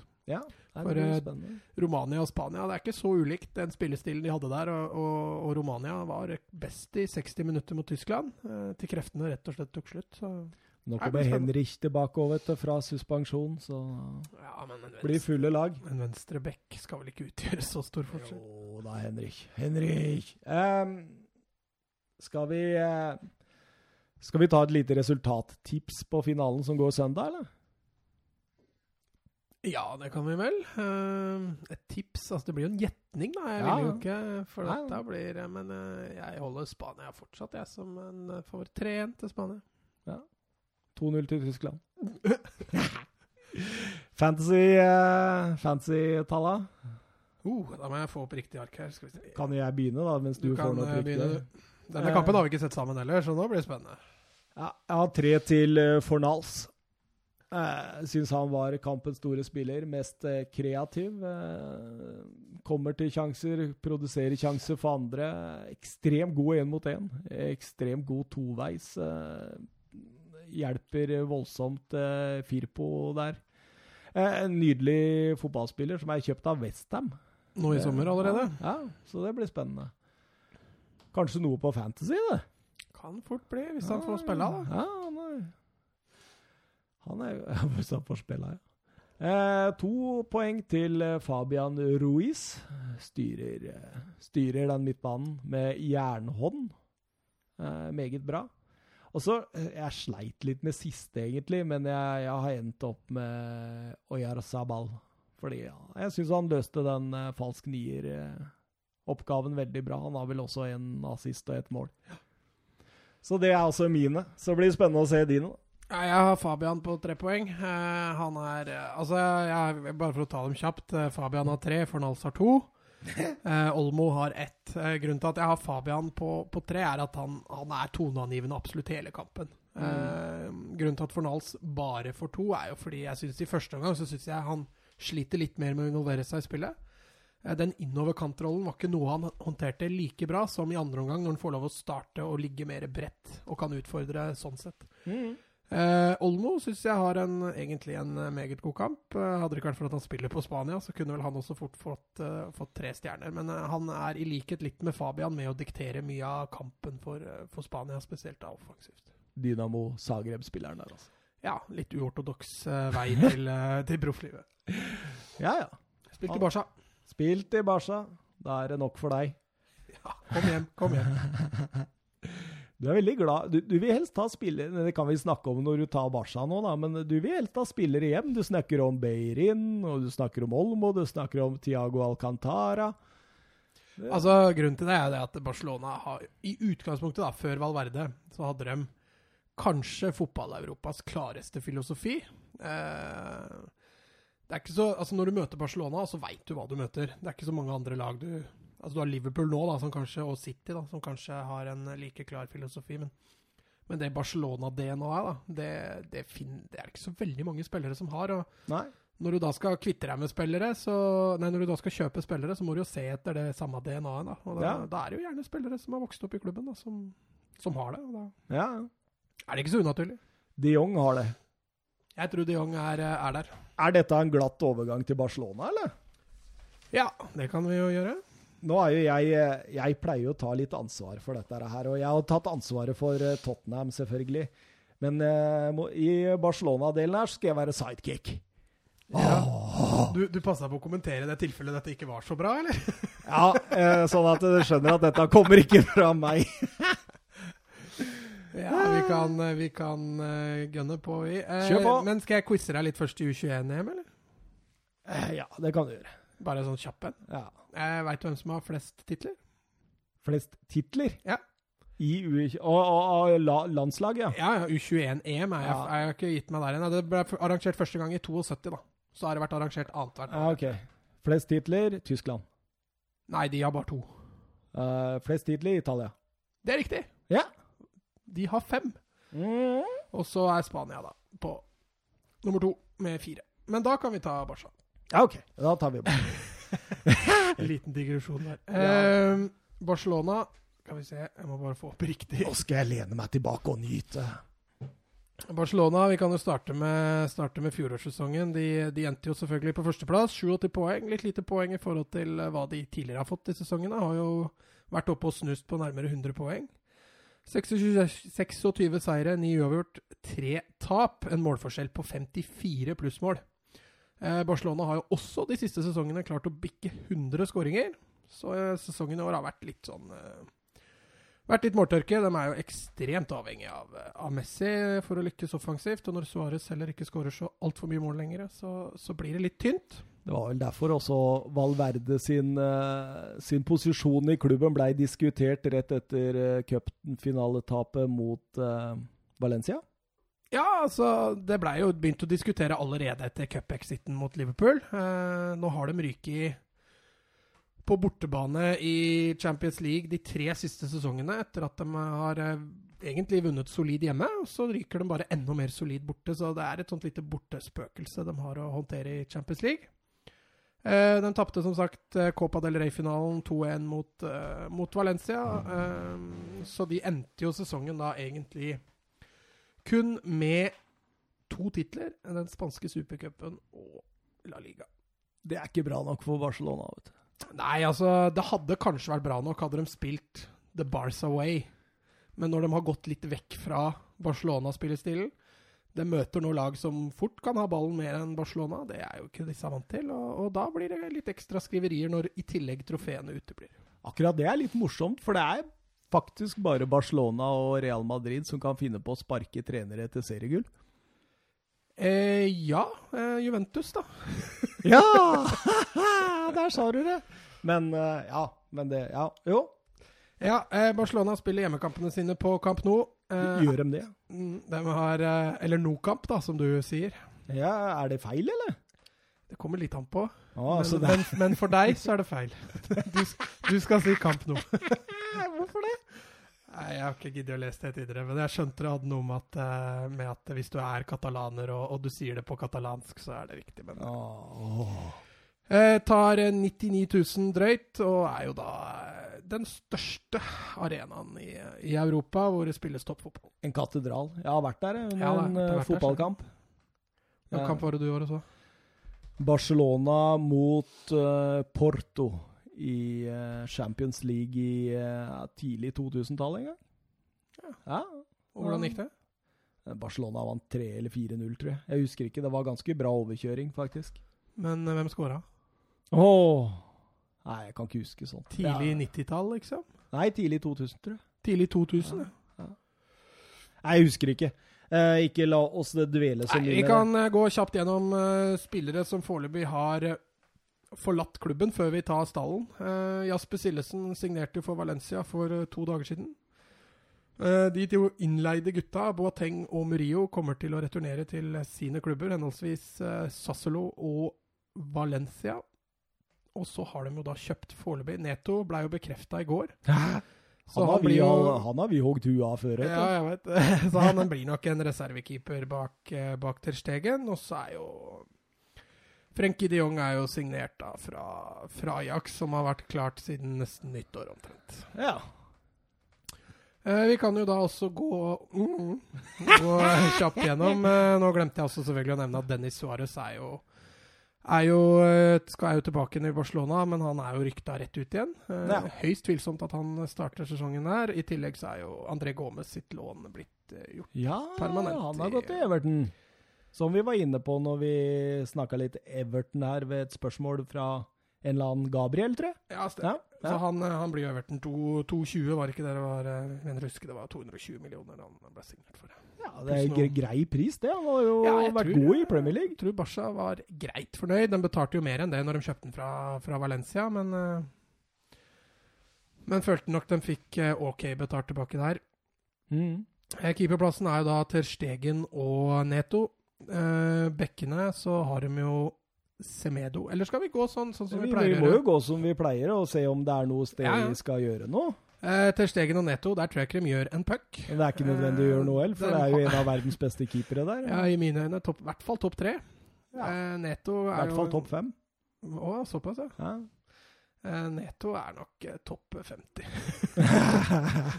Og så veit jeg også det er aktuelt å ta opp eh, Inyaki Penya fra, fra B-laget for å ha en tredje keeper. ja. Eh, Høyrebekk, der er det jo Nelson Semedo og ja, vi må nesten si Sergio Roberto. Han spilte jo mest høyrebekk i fjor, eh, Mm. og har gjort det egentlig de siste tre sesongene. Eh, på høyrebekken så føler jeg egentlig at her bør det gjøres noe. Her bør det gjøres noe. Roberto er jo best, i mine øyne i hvert fall, som, som midtbanespiller. Han mangler for mye fart Ja. som back. Nelson Semedo har jo den farta Roberto mangler, men mangler litt mer hva skal vi si, det kreative offensivt, i tillegg til ferdigheter. Jeg også så på denne lag, lagdelen her. Og så tenkte jeg nå må jeg finne noen skikkelige stjernespillere som kan være aktuelle som, eh, som eh, førstevalg i Barca. Da. Ja. Men så finner jeg ut at samtlige høyrebacker omtrent som er noe å snakke om, de er allerede godt opptatt med store kontrakter i store klubber. Altså, Ja. du har jo bare hvor, Men altså, Cancelo, da. Det er jo kanskje han, tenker jeg. Ja, han er jo på vei til City. Ja, det virker jo sånn. Men, men de har jo de har jo Moussa Wage fra, fra Senegal, som spiller i Afrikamesterskapet nå, blir jo tatt opp i avstanden. Mm. Eh, men det er klart, han er ikke på det nivået. Eh, så i mine øyne så, så bør de flytte Roberto opp på midtbanen og ha han som en slags backup der. Eh, Ja. Nelson Semedo kan selges. Mm. Og jeg har jo kommet fram til, fram til to egentlig OK alternativer. Det ene er Dani Alves. Eh, han vil jo gå, komme gratis. Jeg tror også han Han har, har uttalt at han godt kan ta en sesong til i Barcelona. Ja. Så det vil jo i så fall være en, være en OK signering, men med tanke på alder og sånne ting, så blir jo ikke dette Men er det bare meg som får det inntrykket at det stort sett alle som drar til Paris Saint-Germain for tida, angrer? Nei, Det er mange, i hvert fall. Men de, som, men de som har vært der lenge, da, de har ikke angra så mye. Nei, det- altså, har de der, Silva, Marquinho, ja, de- Verratti, Di Maria, de kontinuitetsbærere. Cavani Men, så, det, det, men jeg tror ikke Paris Saint-Germain gir deg nok over lang tid. Nei, altså, men altså, skal du være med å kjempe om Ballon d'Or, da, for eksempel, som man mange. Har, som, eh, har som mål, så Altså, den franske ligaen er eh, Det er liksom ikke noe målestokk i topp, topp klasse lenger, og Nei, jeg tror jeg er enig. Det er, Det handler egentlig bare om Champions League når du spiller i PSG. altså. Nei, altså, den er jo en klar nummer fem-liga, tenker jeg. Den er etter eh, Premier League, La Liga, Serie A og Bundesliga. Så kommer den mellom der og, og eh, Eres-divisjonen. Ja, Kanskje. kanskje en portugisisk. Kanskje eh, portugisisk. Ja, portugisisk, men der, der er veldig bra toppnivå. Så er det veldig lavt bunnivå i portugisiske serier. Jo, men det tror jeg det er litt i fransk serie òg. Ja. Jeg tror ikke det båndnivået der er, eh, er all verden. Men, eh, men det er klart, PSG drar jo den franske ligaen opp veldig, da. Absolutt. Eh, når det gjelder da Den siste jeg hadde, det var jo Hector Beirin. ja. Han som du nevnte. Ja. Eh, har jo vært i Barcelona som ungdomsspiller. Eh, kan fort bli veldig dyr å hente fra Arsenal, samtidig som, eh, som jeg tror ikke Arsenal har så veldig lyst til å selge han. Det, men det, jeg, jeg tror det går an å lokke han ut nå. Nå har han vært der i så mange år, han har vært litt skadeplaga. Det, det, det går an å lokke ut han fra Arsenal nå med på den rette summen, altså. Ja, det tror jeg òg, men, men den rette summen for Barcelona nå, den der kommer ikke til å være høyere vekt de satser mest på. Eh, Atletico Madrid var jo veldig hissig på å kjøpe Semedo. Eh, Barcelona forlanger litt mer enn det de er villige til å betale. og Ja. Kan fort hende Semedo ender opp med å bli, selv om han også har uttalt at jeg har lyst til å gå for å få fast spilletid eh, et annet sted. Mhm. Venstrebekk, der har Barcelona bare én. Det er eh, Jordi Alba. Eh, De har jo brukt eh, Juan Miranda fra, fra B-laget lite grann. Og så har de jo brukt Semedo og Roberto over på venstrebekk innimellom når, når Alba skal, skal hvile. Så der er det helt klart en posisjon hvor, hvor Barcelona må, Må en, handle. må enten hente en fra B-laget eller kjøpe inn en backup for, Ja. for Alba. Kan jo kjøpe en Mendy da for å holde Alba litt på tå. Kjø- Kjøp inn han andre Mendy, han fra City, for, for en 60-70, bare for å holde Alba sånn eh, Ta en, eh, ta en Real Madrid. Ta en Real Madrid. Eh, så der, der må de jo ha inn en. Jeg lander igjen jeg, på, på Alex Grimaldo. Eh, igjen tilbake til det med at han er en tidligere Barca-spiller og har, har det DNA-et. Så jeg ser vel på det som kanskje det beste alternativet. meg. Hver eneste jævla venstrebekk som så Jo, men her Jeg ser jo litt i forhold til hvem som passer til laget, da. Eh, så, så, Så når vi sitter her i august og tar Westham, så er det Ja, så er det Alexander Grimaldo. Men, men greia da, litt med, med, med venstrebekken i Barcelona, er jo det at eh, de kommer jo til å kjøpe inn en som skal sitte mest på benken. Ja. Og da gå ut og begynne å handle venstrebekker fra øverste hylle er jo i utgangspunktet ikke nødvendig. Nei, altså da må du enten en som på en måte har gjort sitt beste, og som er litt oppi åra, eller så må du ha en unggutt som kan lære. Ja, Jeg er mest fan av den siste, da. ja, og der er jo et alternativ til som jeg dro fra, og det var jo Juan Miranda, som Ja. er B-laget. Eh, kan også gå opp der og gjøre en, gjøre en god figur, men Valverde viste jo egentlig i fjorårssesongen at han, han er ikke nødvendigvis så gira på å, å bruke han så mye. Han regner han vel ikke som, som god nok, i og med at han har skjøvet Semedo eller Roberto over på venstrebekken de gangene Alba skal, skal hvile. Men han fikk jo tillit mot Tottenham, blant annet. da. Ja, Han stemmer i- det. stemmer det. I Champions League-gruppespillet der, så, så han har fått prøve seg litt, men, men ikke så veldig mye, altså. Midtstopper, da, Mats.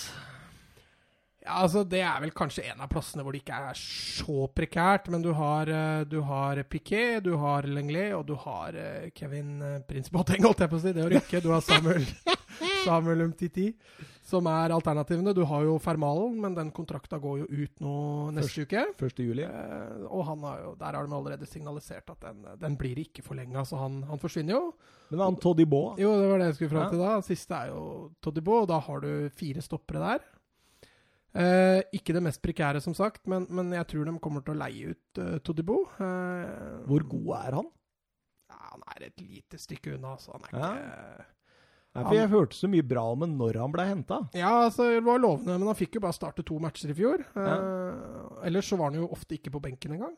Selv når Umtiti også var ute, så mm.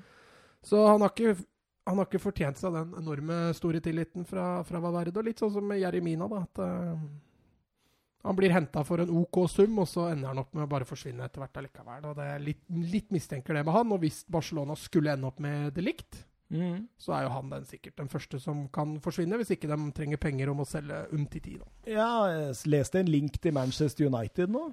Ja, jeg så det. Det er ikke sikkert det er helt umulig. Um, i fjor, i hvert fall vårsesongen i fjor, så, så var det ingen tvil om at Valverde foretrakk uh, Lenglet. Det er rart, altså. Jeg syns også det er veldig merkelig. Uh, Umtiti på sitt beste for to sesonger siden var, han var helt nydelig. Men åssen er egentlig Umtiti? Altså, jeg veit jo han er uh, fantastisk uh, duellspiller, men hvordan er han egentlig med kula? Nei, Det er kanskje en av de svakhetene hans. det jo, kan jo være grunnen, da. Jo, men han er jo ikke så mye svakere enn Lenglet. Altså, Umtiti er en bedre duellspiller. Han er raskere. Han er veldig flink til å lese spillet. God fotballforståelse. Så skorter det kanskje litt på ferdigheter. Eh, men, men, men Lenglet mangler jo farta til Umtiti. Syns han er litt kjedelig. Han ja, er litt sånn standard. Ikke noe ja. spesielt, liksom. Føler at han kunne spilt i Celtic, jeg. ja, kanskje litt bedre enn det, da. Men, eh, men eh, nei, jeg syns det er rart at han ikke foretrekker eh, Lill. Ja, eller Lill. Ja, ja. At han ikke foretrekker Umtiti. Og det Umtiti for to sesonger siden var jo en av verdens aller beste stoppere. Ja, jeg har skrevet i mine notater her hvorfor sverger Valverde til Englé Mats? Det, er, det har vært litt innpå det her. Ja, altså, Jeg klarer ikke helt å gi et godt og tydelig svar. Altså, Umtiti sleit med skader i høstsesongen, var lenge ute. Så når han kom tilbake igjen, så var det forståelig at Lenglet fortsatt fikk tillit. Men, men, etter hvert som Umtiti spilte seg litt i form, så, så, har jeg ikke noe fornuftig svar å komme med. Jeg mener Umtiti er, er best av de to. Ja, men du ser ikke at det kommer inn en midtstopper med mindre det er delikt, altså? Altså, de klarer seg. Dette er ikke den posisjonen jeg ville først sett etter å forsterke. Eh, hvis de henter delikt, så kan de selge Umtiti, eventuelt leie ut mm. Todibo.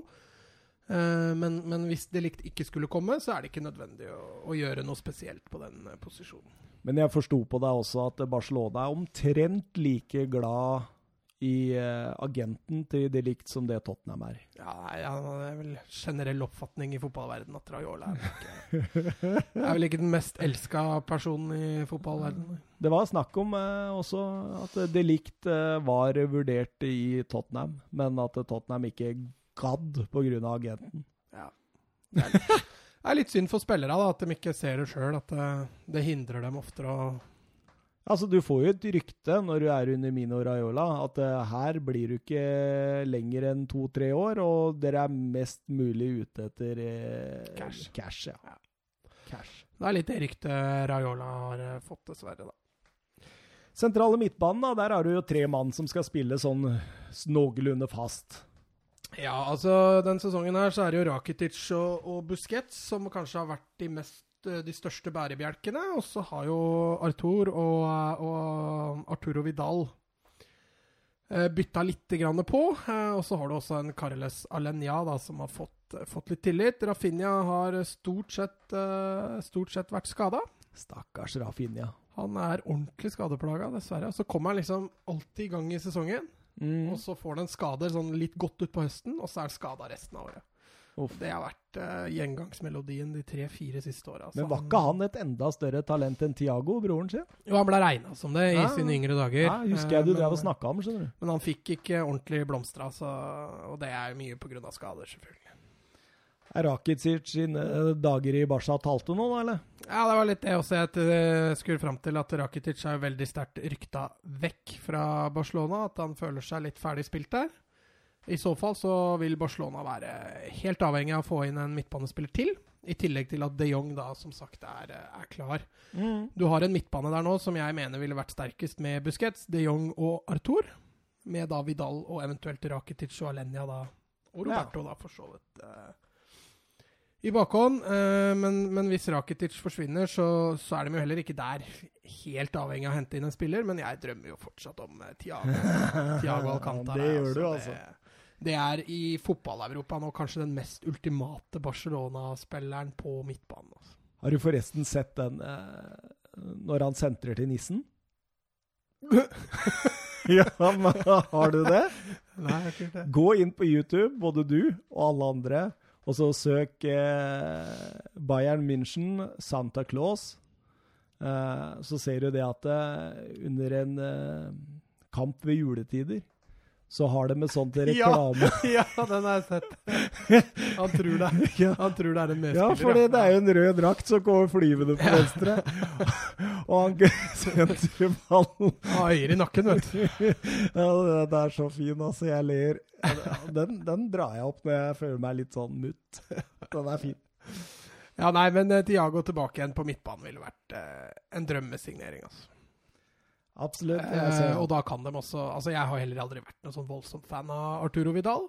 Hadde sine beste dager i Juventus i starten av Bayern-karrieren, er jo på vei nedover. Eh, ser egentlig ingen grunn til at han skal få lov å avslutte karrieren i Barcelona. Jeg ser måten Valverde spiller på, så blir han relativt viktig med tanke på at han er en boks-til-boks-spiller og, Ja. og legger ned den innsatsen. Men, men hvis Barcelona skal tilbake igjen og spille på den måten de, de ønsker, så, så ser jeg ikke Vidal som, som den største bidragsyteren. Det er ikke noe tikki taka.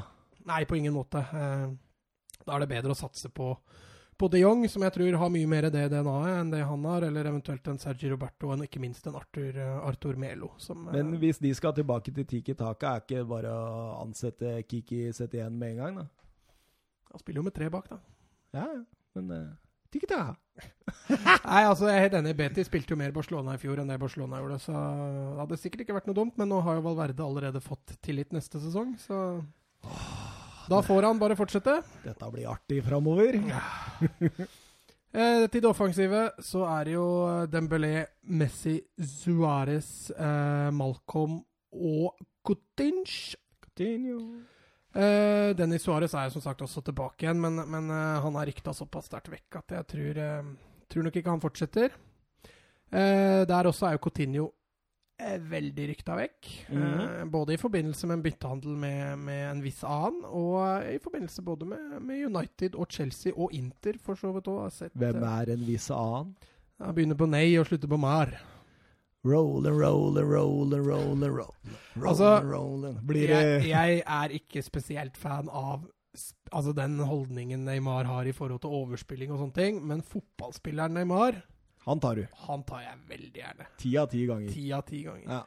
Nå har han slitt fælt med skader i PSG, men, men hvis Barcelona får litt orden på det, så tror jeg han kan bli en vanvittig tilvekst. Uh, tilvekst for Barcelona. syns han har så uflaks.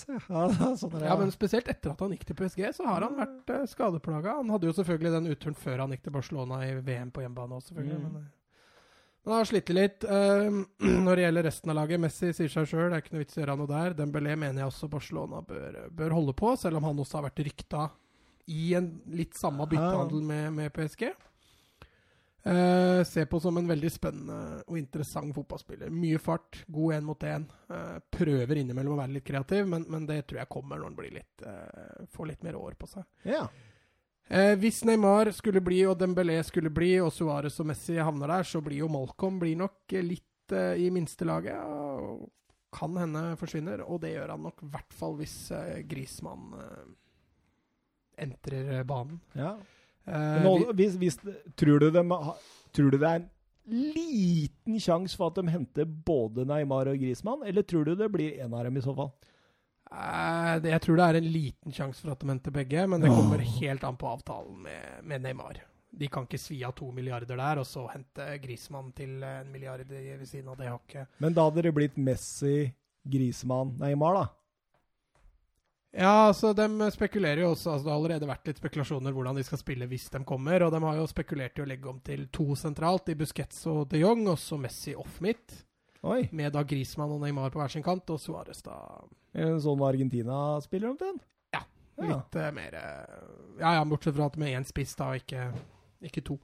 Tenk å se Barca uten 4-3-3. Det er som å se Rosenborg uten 4-3-3. Jo, men Barcelona i fjorårssesongen, og for så vidt før der, Valverde var ikke helt uh... Uten sammenligning. Ja, men han kunne fint legge om til en 4-4-2 med, med Messi som fri rolle der framme, så Ja. Det er jo litt det også misnøyen med Valverde går i, da. At han, eh, han rokerer litt mye og, og går litt vekk fra Barcelona-spillestilen. ja. Uh, så nei, det blir veldig spennende å se. De er nødt til å forsterke offensivt også, sånn jeg ser det. Coutinho har vært for dårlig. Uh, Men tror du ikke går an å gjøre han god, da? jo, men nå har han vært i Barcelona halvannen sesong. Han hadde vel én god periode på en to-tre måneder. Ellers så syns jeg han har spilt uh, for mye under pari. Når du ser Barcelona skal opp mot de gode lagene, så, så faller han gjennom stort sett hver gang. Og det, Barcelona er altfor avhengig av Messi. Um, ikke det at det er feil når du har tidenes beste fotballspiller på laget, men, uh, men hvis du skal vinne Champions League og, og hamle opp med de beste gutta, så, så må du ha flere strenger å spille på. Og uh, Suárez er uh, Han har blitt for gammel, rett og slett. Ja, og det, det, det er noe jeg har tenkt på. At uh, det er jo et litt aldrende lag. altså Selve bjære, bærebjelkene over flere år. Altså, altså er jo godt over 30 eller 30. altså Da snakker vi Piquet, Alba, Busquets, Messi, Suárez. Hva tenker du om det? Nei, altså Det er jo sentrallinja til Barcelona, det. Ehm, jeg tror par av dem holder, eh, holder fint nivå ett eller to år til. Men de er nødt til å begynne å fornye. Eh, og det er vel litt det både De Ligt og De Jong var litt hensiktsmessig å gjøre. Men uh, hvor de ikke har uh, Ja, det likt har kommet nå, men de er nødt til å fornye, fornye spesielt offensivt. Ja. Og så har jeg også en liten sak på, på Bartomeo, klubbpresidenten, okay. som nå har fått veldig hard medfart i forhold til hvordan han har håndtert La Masia. Mm. Jeg leste et innlegg nå hvor, hvor, uh, hvor, de blir servert mat på La Masia som, er, som er et godt stykke unna hva en toppidrettsutøver bør spise. Okay. At de er uh, rett og slett og... Litt sånn underernært, uh, oh. litt sånn underernært mat. da og har fått veldig hard medfart. Og, og, litt av det Altså, jeg skal ikke si jeg kjenner meg igjen i det, det blir jo feil, men å si at jeg savner da et akademi i Barcelona som får opp jevnlige ja, fotballspillere. For det er en stund siden nå. Ja, altså Vi var innom det med United, at, uh, hvor Martin sa det at uh, ja, nei, det er ikke sånn at det er én god spiller i hver generasjon. Mm. Og der er jeg jo helt, helt, helt uenig. Ja. Det er en god spiller i hver generasjon. Ja. Og, uh, og, Barcelona, som under Guardiola greide å stille en hel elver med bare egenutvikla spillere. Ja.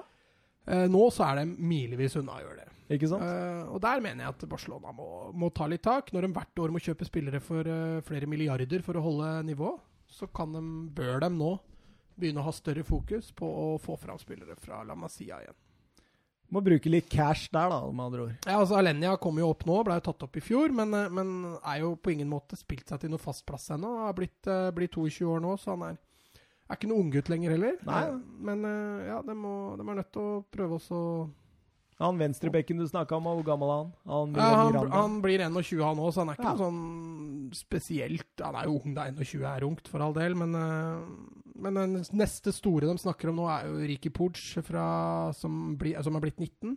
Ja. Fikk jo A-lagsdebuten sin og La Liga-debuten i fjor. Virker som en veldig spennende fotballspiller som, som har det Barcelona-DNA-et. Så, så, blir det viktig for Barcelona nå at de får han til å ta det siste steget.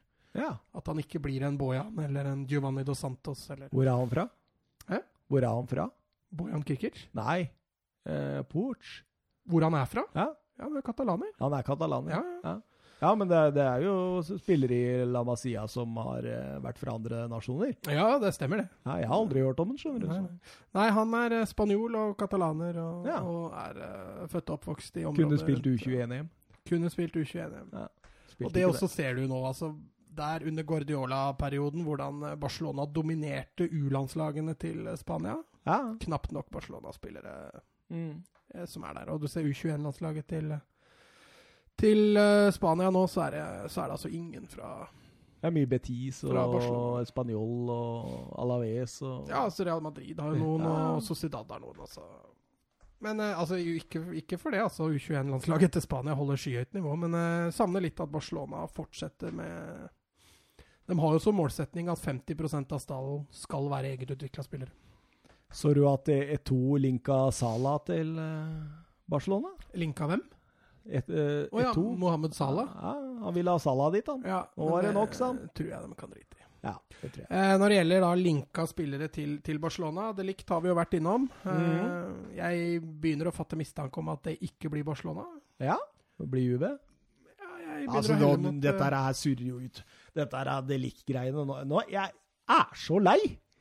Nå må ja, han bare bestemme seg. Håper han tar et valg snart. Også, for, Det ryktes i øst og vest, og alt du ser, er det bildet av han hvor han ligger og leser boka til Memphis Debay liksom, på ja. stranda. Eller? Jeg tror jeg, jeg stoler ikke på et millimeter av det som står i avisene for tida angående delikt. Altså, for nå har han vært eh, klar for omtrent eh, Manchester United, Manchester City, Liverpool, Barcelona, Real Madrid, PSG PSG og Juventus. og Juventus. Og det er vel de aktuelle òg, tenker Ja. jeg. Men jeg tror, jeg tror eh, Sånn du skal tolke de ryktene, da, så, så føler jeg at PSG, Barcelona og Juventus er de som har vært nærmest. da.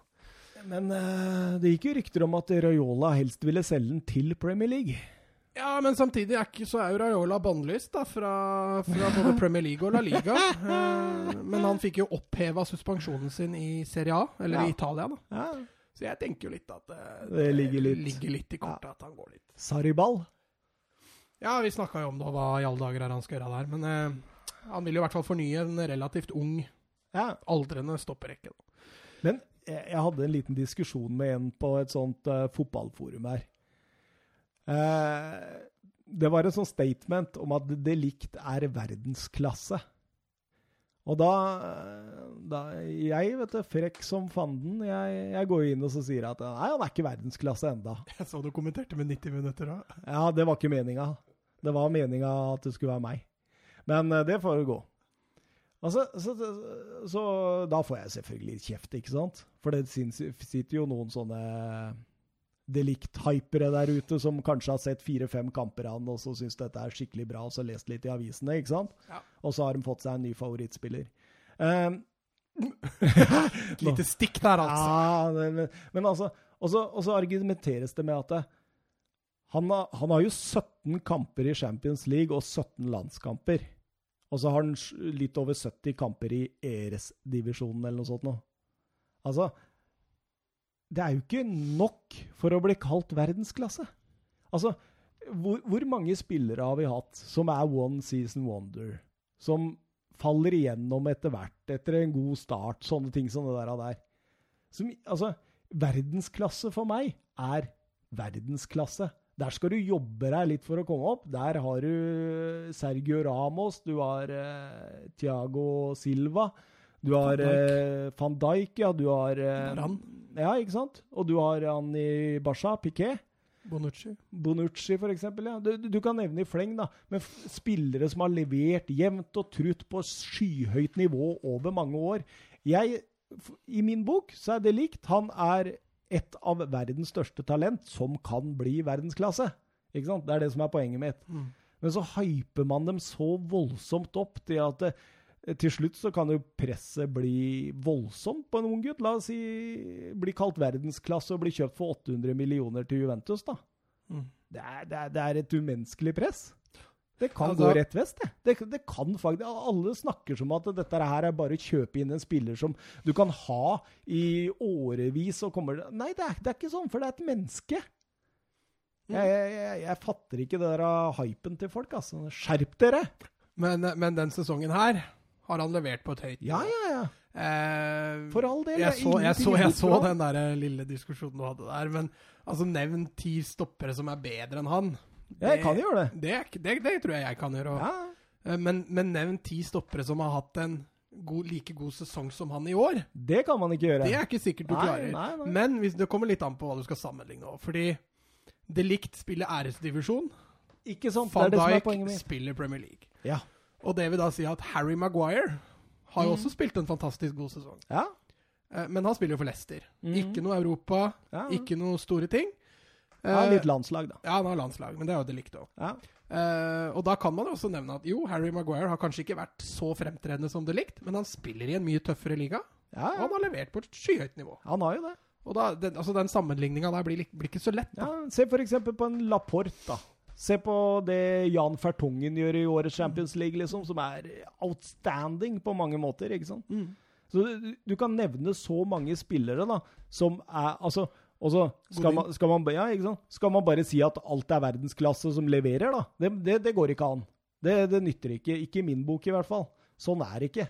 Altså, du må prestere over tid, jevnt over, over lang tid, for å bli kalt verdensklasse. Da Ja. kan du hype deg opp til verdensklasse. Ja, jeg er for så vidt enig i det. En liten digresjon der. Ja. Eh, nei, de to andre store ryktene som har vært til Barcelona, er Griezmann, selvfølgelig. Eh, Mange har jo rapportert han som De er jo enige med både Atletico og med Griezmann.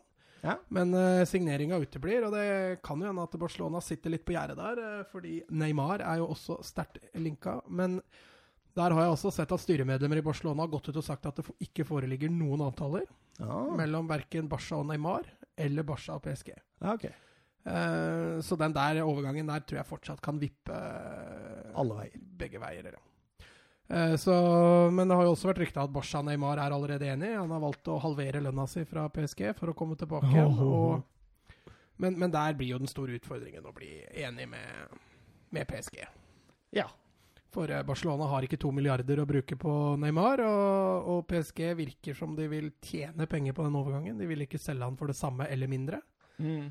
Og da kan det fort hende at det blir en byttehandel av spillere der som blir, eh, som blir aktuelle. Ja. Nei, det er jo spennende. Og så er jo for tredje sommeren på rad eh, William blitt linka.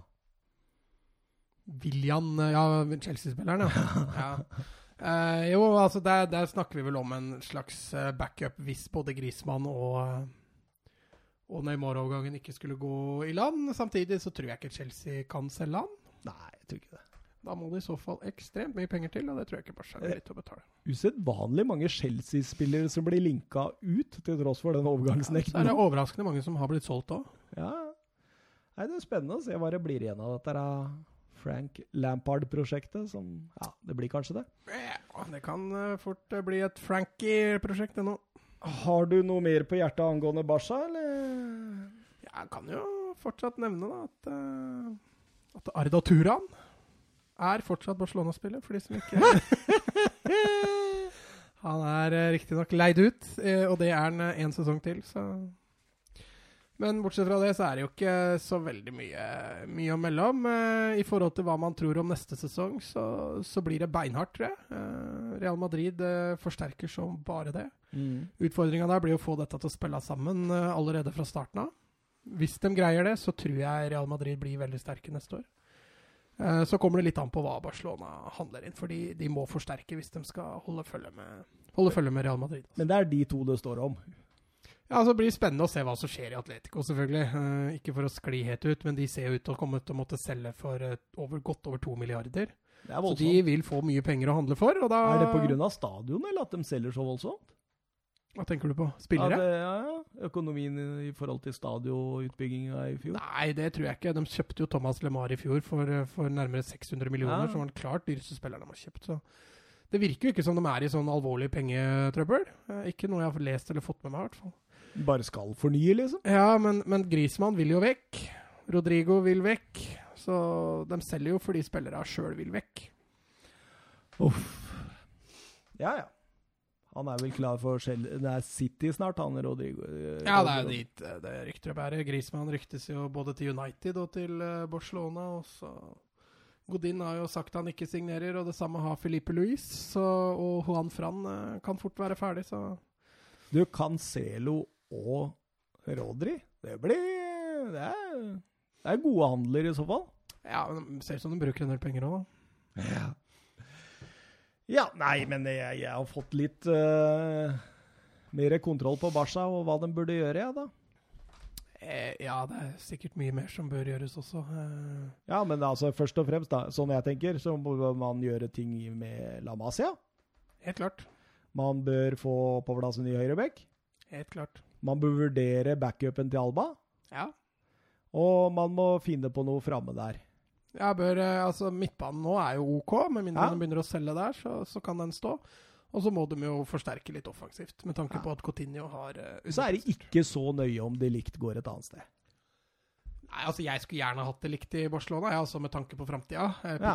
Er jo 32 år nå, så han begynner å dra Ja. på åra. Og så lenge Umtiti ikke får spille, så Ja, du ser på Langlais som et, uh, et svakt punkt. Mm. Ja. Eh, skal vi gå over til ho-ho-ho, 1 time og 48 minutter? Det er ti minutter med Tottenham, bare det. Eh, Tottenham Hotspur. Har du forberedt deg litt der, eller? Nei, jeg har jo bo, bodd sammen med deg, holdt jeg på å si. Jeg har jo kjent deg så lenge, så det tror jeg kan ganske bra. Tottenham eh, Hotspur eies som kjent av Enik-gruppen, som tok over klubben helt tilbake til 2001, da de kjøpte den av omdiskuterte Alan Sugar. Enic eh, Group er et eh, engelsk investeringsselskap som eh, drives av Joe Louis og Daniel Levy, som også er shareman i Tottenham.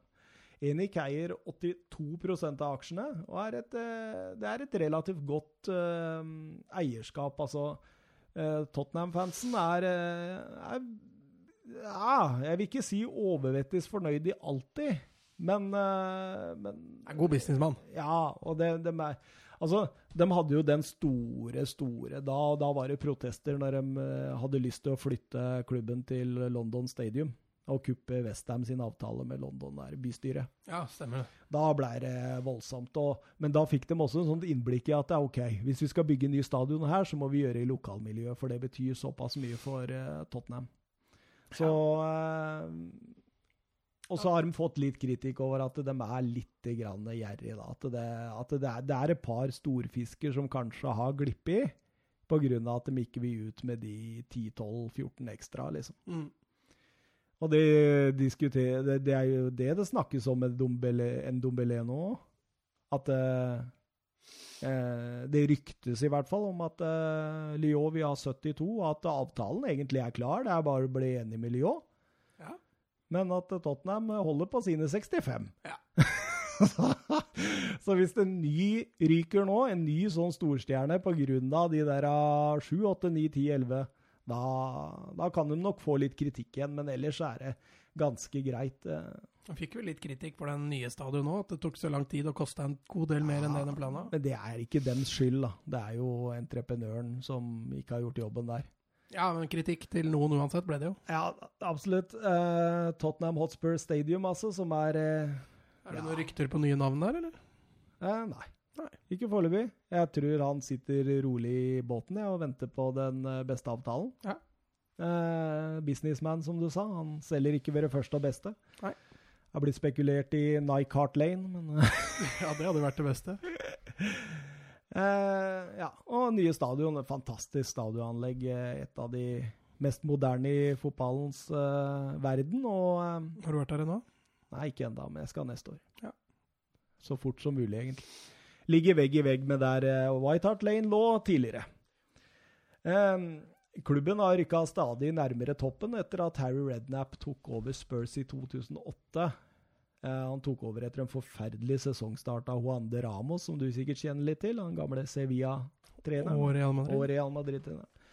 Han rota det voldsomt til, og Rednap kom inn og redda stumpene. Flytta Bale opp fra venstre bekk til eh, venstre kant, og eh, de cruisa gjennom Champions League der, etter de møtte Adebayor og Real Madrid i en kvartfinale, var det vel. Eh, etter hvert så flørta Rednap for mye med den England-jobben til at eh, Levi godtok det, og fyrte den, til Mm. tross for en eh, god sesong. Og André Viars Boas kom inn. Ja. ja. Husker du han? Ja, Jeg husker han er, hvor er det han gikk igjen nå? Til Marseille? Ja, stemmer. Em, ja, og etter eh, Ja, den starta bra via Ashboas, men det gikk radig dårligere og dårligere. Og dårligere, og så tok eh, Tim Sherwood over etter eh, halvannen sesong. Mm. Det var litt samme som han drev med i Chelsea, det. Ja, Tim Sherwood han eh, redda stumpene og hadde lyst på den jobben, men inn kom altså Maurizio Pochettino. Og eh, Pochettino han har levert varene. Holdt stabilt eh, topp fire. 15-16-sesongen ble nummer tre. Eh, 16-17 ble de nummer to. 17-18 ble de nummer tre. Og i år ble de nummer fire med Champions League-finale i, i bunn. Ja. Eh, nå er det uttalt også at det skal brukes penger, det skal bygges fremover. Og Pochettino han har jo en avtale til 2023, tror jeg, så det, det ser lovende ut med samarbeidet med Levi, og at de skal nå satse for fullt eh, økonomisk i forhold til spillekjøp. Da. Nå har det jo vært eh, tørt der i halvannet år. Mm. Siste innkommende er faktisk Lucas Mora. Stemmer det. Fjor, fjor vinter. Ja, Eh, mye tyder på at Jack Clark så å si er klar fra Leeds, en uh, unggutt, 18 år. Ja. Eh, 10 pund, så ganske kraftig for en eh, 18-åring. Sånn innad fra championship. Eh, en spiller som eh, Marcelo Bielsa har skrytt voldsomt av. Så det, Ja. det er bra. Eh, og så ser det ut som eh, en Dombele så å si er klart. Men det har vi, som jeg sier, har jeg sagt i fire episoder nå, så vi får se. Kommer nærmere og nærmere, da. Ja da. Eh, andre linka spillere, Mats. eh, Der, der, er jeg sa det til deg i går, mens Barcelona har ganske få links, så har jo Tottenham voldsomt med links. Mm. Eh, Lo Celso, kjenner du til? Ja. Han er ganske bra linka. Bruno Fernandes. ja, han Ja. er linka til flere, han da. Ja da, ja da, selvfølgelig. Det, det er ikke ene og alene her. Eh, Wilfred Saa. Det hadde vært en god signering. Ja, det tror jeg. Men Altså. da, der tror jeg Palace skal ha mye penger, når de har nesten 600 millioner for en høyrebekk. Så Ja, dem skal kan det bli en dyr signering.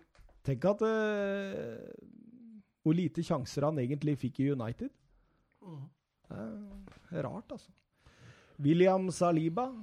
Eh, de sier at de skal kuppe Arsenal-overgangen der for en 18-årig midtstopperen fra Saint Etienne. Trenger de en midtstopper, da? Nei, bare hvis Toby blir eh, kjøpt ut. Han har jo en klausul på 25 nå, vet du. Uff. Ja, ja. Eh, Saliba blir forresten kalt det nye Varan, for de som er glad i sånn den nye ditt og den nye Mye fart og mye fysikk, da. Ja. Eh, Cézinho, eh, han har jo også uttalt at han vil til Tottenham. Han vil til Pochettino. Ja, spennende spiller. Og eh, det kan jo skje også. Eh, det er jo en plass som Pochettino jeg veit han kan se forbedringer i. Og, og da tenker du på venstre bekk, eller? Ja, Mm. Absolutt. Uh, Max Arons, men han rykka opp med Norwich nå, så han vil vel høyreback på Norwich. Ja. Så han vil nok uh, Han var veldig god i championship. Jeg har sett et par kamper.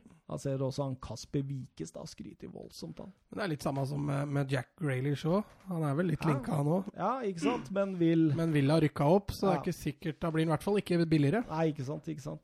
Jeg er ganske sikker på at Jack Grealish hadde vært i Tottenham i dag om Villa ikke rykka opp. Ja, ok.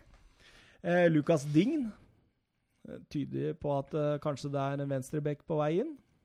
Ja. Eh, Altså, han hadde jo en fantastisk sesong i, i Everton, men Everton har vel ikke noen sånne utprega gode alternativer i bakhånd der, så jeg vet ikke om Everton er så nei, det på var Baines, da. Han, han begynner å trekke på åra. Eh, Joakim Andersen, eh, Nathan Akey, eh, Diego Lorente.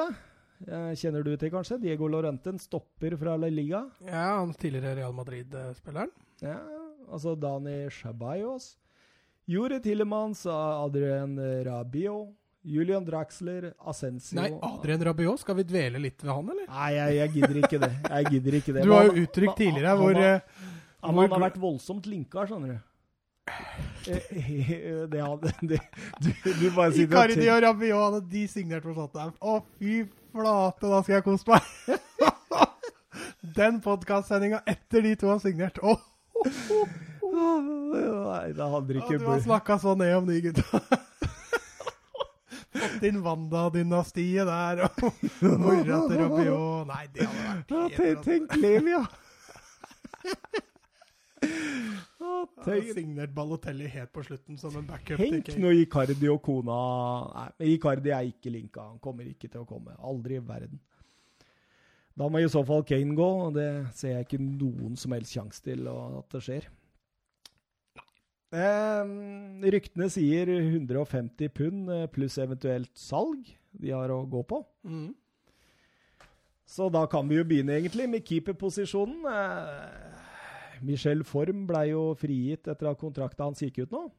Eh, men eh, de har en veldig bra keepertrio. Eh, Joris på sitt beste verdensklasse. Gazaniga god nok til å pushe om plassen. Og så har de Alfie Whiteman, en unggutt fra egne rekker. Så jeg syns det er en fin blanding. En eh, god blanding der. Det er ikke noe å, å tenke på. Eh, forresten, da. Eh, det jeg tenkte å nevne her, og som jeg nevnte for deg litt tidligere Nå sklir mikrofonen min nedover her. Han sklir og sklir. Men det jeg tenkte å nevne for deg, Mats, det er at Tottenham har jo henta en, eh, en eh, såkalt eh, 15-åring fra Norge Ja, i den keeperrollen. ja. Nye Thorstvedt. Ja, fra Bryne. En eh, Isak eh, Midthun Solberg. Og Jeg oppdaga litt noe artig her om dagen. Ja. Det er at keepertreneren hans i Bryne, han uh, følger oss på Twitter, faktisk. ja. Du får sende Så, han en melding. så hvis han hører på, Stian eh, Rosseland, så uh, Hei, Stian. Og så hadde det vært kult om han sendte inn noen ord til oss om uh, Isak Solberg. Ja, ja. Det har vært spennende. Hvordan spiller han her? Ja, hvordan type han er. Om Ja. han er den nye Thorstvedt, eller om han er en annen type. En Noyer, eller, Ja, En Nybel. eller en eh, Eller en Roy Carroll? Ja, nei, så det er moro. Så eh, det hadde vært litt kult, egentlig. Eh, Høyrebekk. Um, Serge Aurier, Kieran Trippier og Kyle Walker Peters. I utgangspunktet skal det holde massevis. Men Trippier er vel linka vekk? Ja, og sliter litt etter VM. Altså, han, var jo, han var jo kanskje VMs beste høyrebekk, Ja. og så har det ryket etter. har det gått nedover etter det. Ja. Personlig feil og masse skader har gjort at eh, det, han er på vei nedover. Men han har jo spilt en del kamper i år, har han ikke? Ja da. Det har bare vært sånne småskader, da. Ja, det har vært sånn opp og ned. Det er noen lyskestrekker og sånn. Vært linka til Atletico Madrid og Napoli, så vi får se, da. Men eh, Serge Aurier, god backup. Kyle Walker Peters, ung, grei, kanskje lånes ut. Jeg tenker at eh, vi ikke skal gjøre noe her, så sant ikke Trippier går. Ja, jeg husker jo Walker Peters fra, fra Barca-matchen. Der var han jo Ja, det sier du hver gang du ser eh, Walker Peters. Han forærte et poeng til Barcelona der. Han gjorde det. Venstrebekk ja, det, det er- det er litt sånn samme. Rose og Davies. Rose holder mål, men er litt usikker på motivasjonen hans for å fortsette nå. Han har vært der i snaue ti år nå. Ja, en Cézinho inn der for å holde Rose på tå hev. Eh, Er ikke det Dra en eh, Madrid? Selge Ben Davies? Hadde ikke det vært noe? Jo, det hadde faktisk vært det. Eh, og så har det vært noen episoder med Rose i media sånn som gjør at eh, Han sleit vel mentalt, gjorde han Ja, han gjorde det. Han var ute og klaga litt og sa at eh, hver gang Tottenham kjøpte spillere, så måtte han google dem for å skjønne hvem de var. Og så, eh, men Porcetino kaller jo forholdet sitt med Rose som et sånn far-sønn-forhold. Så det ja, veit ikke. Eh, sånn i utgangspunktet så syns jeg ikke man skal gjøre noe her. Men jeg veit jo Pochettino er veldig glad i Cezinio, og Cezinio er veldig glad i Pochettino, holdt jeg på å si. Så det kan skje noe der. Ja. Mm, midtstoppera, Toby Aldevereld, som jeg var innom på i stad, så har han en 25-klausul. Ja, det, det skal overraske meg om det ikke er noen som prøver seg på den. Ja, det er vel en United-manager som kanskje kunne trengt en Aldevereld. Absolutt. Eh, Fertongen, eh, Sanchez, Foyt og Cameron Carter Wickers. Wickers går sannsynligvis ut på lån igjen. De har jo fire bra stoppere der, da, så med mindre Aldevirell forsvinner, så er vel det greit der òg. Det er grei skuring. Og så kan Dyer også gå ned dit. Ja.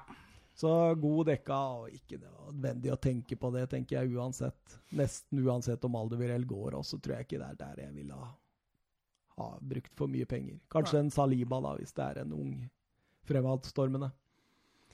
Eh, defensiv midtbanespiller, eh, midtbane der. Der har vi eh, Moussa Sissoko, Harry Winks, Erik Dyer, Victor Wanyama og Oliver Skip. Så det er fem stykker der. Ja, det er god, god dekning, men det er vel i mine øyne i hvert fall to, kanskje to og en halv som holder decent nivå. Ja, det er jeg for så vidt enig i. Eh, Victor Wanyama kan jo fort bli solgt, og nå gjør han et veldig godt Afrikamesterskap etter rapportene. Så det Mhm. kan jo være gull i forhold til å få lempa han ut. Drevet opp prisen litt òg. Ja. Det er for mye skadeplaga. Har ikke kommet helt på det nivået. da. Og Dyer også har hatt en nedadgående kurve siden VM. Ja, men pga. allsidigheten så tror jeg skal mye til for at han forsvinner. Wings og Sissoko strålende. For Wings de rista av seg alle småskadene, så går han mot en stor, stor, stor sesong. Det er jeg Mhm. ganske sikker på. Og Men- Skip vil nok ja, kan bli leid ut. Men det er litt dumt da hvis de kjøper en Dombele, for da blir jo Wings sittende på benken mye. vet du. Ja, men jeg tror da, da har du tre strålende. Kan rullere i større grad, da. Ja, og så har du en Dyer som kan komme inn etter hvert og bekle en stopperrolle eller en defensiv midt. Så jeg tror vi må ha det, en Dombele inn der. Da, da ser det plutselig leddet ut. Da går det leddet fra å være en fire pluss til å bli en fem pluss, liksom. Ja, ut med Wanyama, inn med Dombele vil jo Ja. være Det, er, Gjøre mye, det. altså. det vil gjøre mye. Offensiv midtbane. Eriksen. Christian ved fornavn. eh, Del Alli. Hueng Min Son. Erik Lamela. George Kevin Nkodo, Josh Onoma og Lucas Mora. Det er vel tre store stjerner her. En av dem er sterkt linka til Real Madrid. Ja, altså Ali, Son og, og Eriksen er jo en klar første trio der, spør du meg. Ja, det er jo det. Ikke sant? Med en eh, Lucas Mora som pusher litt. Og en eh, Lamela i form som kan gå inn og gjøre litt sånn jobber i ny og ne. Men han er jo så mye skada nå at det er jo så det, det, det kan nok tenkes at, eh, at Pochettino kommer til å gjøre litt her. Eh, en Kodo og en Onoma kommer til å prøve å bli solgt. Eh, Lamela, jeg veit ikke hva han tenker. Han, det, det er litt sånn lands, landsmannsforhold der, da. Mm. Som er litt sånn Ja. Men eh, hvis Eriksen går, så selges han nok ikke for mindre enn 100 euro, så da har man jo litt penger å, å erstatte den med. Ja, men han må jo, må jo erstattes. Han må erstattes. Og det å erstatte han med, med en 19-åring Ja, det er bra for framtida, men da, da mister Tottenham mye de neste sesongene hvis Eriksen blir borte og han ikke erstattes av en som er god nå. Altså. Ja, Hvem er det du tenker på med 19-åring, da?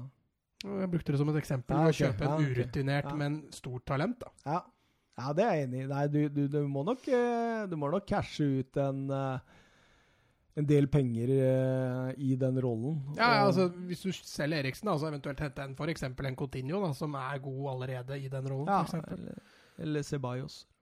ja, men da igjen kjøper du en litt mer urutinert. da. Han hadde en OK, det ikke han hadde en 23. OK sesong i Real Madrid. Ja. Ja, jeg er klar for han jeg, hvis Eriksen går, altså. Jeg er det. En Asensio, da? Ja Skal vi ta en poll, eller? Hvem er så vant vant den? Med én stemme. Eh, angrep. Harry Kane, selvskreven.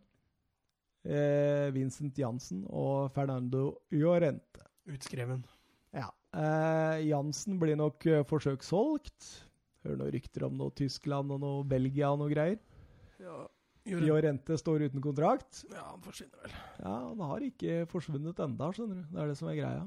Nei, Kontrakta går vel ikke ut før om to dager. Så. Nei, men den, den var litt sånn Ja.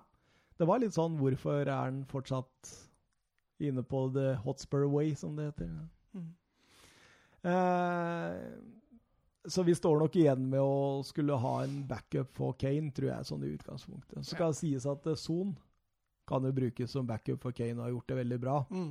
Så det går jo er an også, også ta, gjøre den, og så ikke hente noe backup for Kane. eh, ha sonen der, og så Og så heller kjøpe inn en offensiv. Ja, han har jo brukt Lucas Mora i den posisjonen òg, så han, Ja. han er jo ikke redd for å variere litt. Men, eh, men jeg mener jo også at offensivt så bør Tottenham ha inn en spiller til stjernespiller type en Dombele ja, ja. som kan pushe litt. Fordi det er som du sa i stad, at den frontfireren, da Med en gang det blir en skade der, så er det et lite hakk ned på Ja. benken. Du ser f.eks. City, da, eller, um, ja, eller for så vidt Liverpool òg. Hvis det skjer en skade der, så kommer det inn en spiller som går inn og bidrar i nesten like stor grad. Lucas Mora har jo sine veldig gode kamper, men han har også sine litt svakere kamper. ja, han er veldig ustabil. Lamela er jo veldig mye skada, Ja. og da de trenger, tror jeg de trenger en backup der. Det er derfor jeg har sikkert blitt snakka om Lo Celso òg, da. Ja, han øh, ja, Jeg snakka om det der, og han har jo vært god i Betis, men da som indreløper, og den rollen har jo ikke Tottenham. Nei. Så det har vært litt spennende å se hvor, øh, hvor øh, Pochettino hadde tenkt å bruke han i så fall. Ja, det blir spennende. Jeg, jeg kan ikke for mye Lo Celso, egentlig. Jeg har sett den litt i Betis. Jeg har sett den Var det ikke PSG? Jo, han har vært i PSG, han var Ja. leid ut. Derfor. Jeg så et innhopp han der en gang, og så har jeg sett uh, nå da i Kåpan. Der er han jo ikke imponert. Nei, ikke i det hele tatt, faktisk. Men der har han jo en annen rolle igjen, i det Ja. han har i Betis. Det stemmer, det. Mm.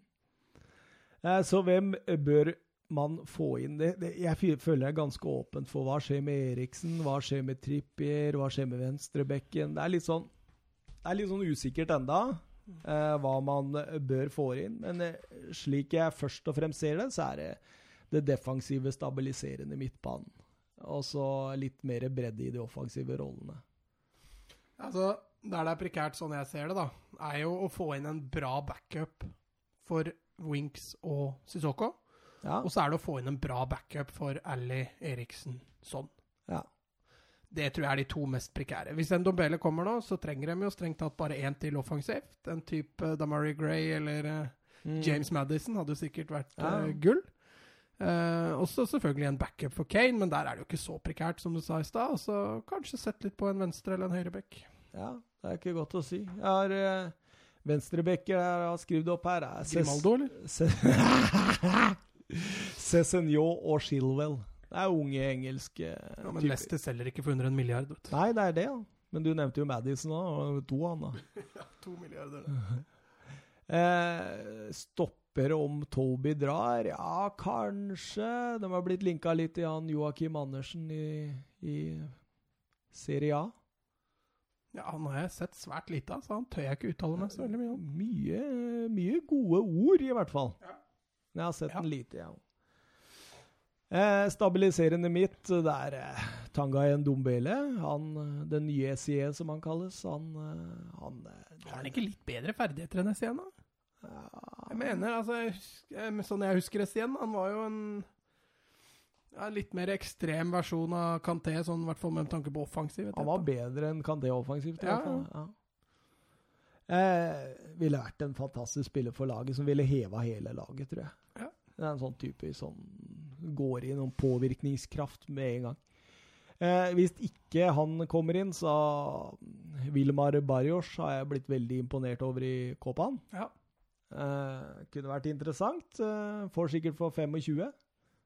Eh, spiller til daglig Zenit. Mm. Um, Declan Rice hadde vært et strålende alternativ, men jeg kan ikke se for meg at Westham selger til Tottenham. I hvert fall ikke for under en milliard. Uh, så, så har jeg sett litt på en kar fra Benfica som heter Florentino Louis. Ja. Det er artig type, skjønner du. Defensivt, hardtarbeidende, kantéaktig midtbanespiller. Eh, sa jeg at, hvor sa jeg han spilte? Benfica? Ja, takk. Det var Benfica, ja. Jeg, jeg fikk sporting i huet mitt, skjønner du. Var rykta tidligere til City i år, og ligger foreløpig i vannskorpen til å bli, gå fra råtalent til eh, veldig habil fotballspiller, da. Ja. Eh, får han sikkert for rett under 35, selv om jeg så linken til City var 60, men det er jo galskap.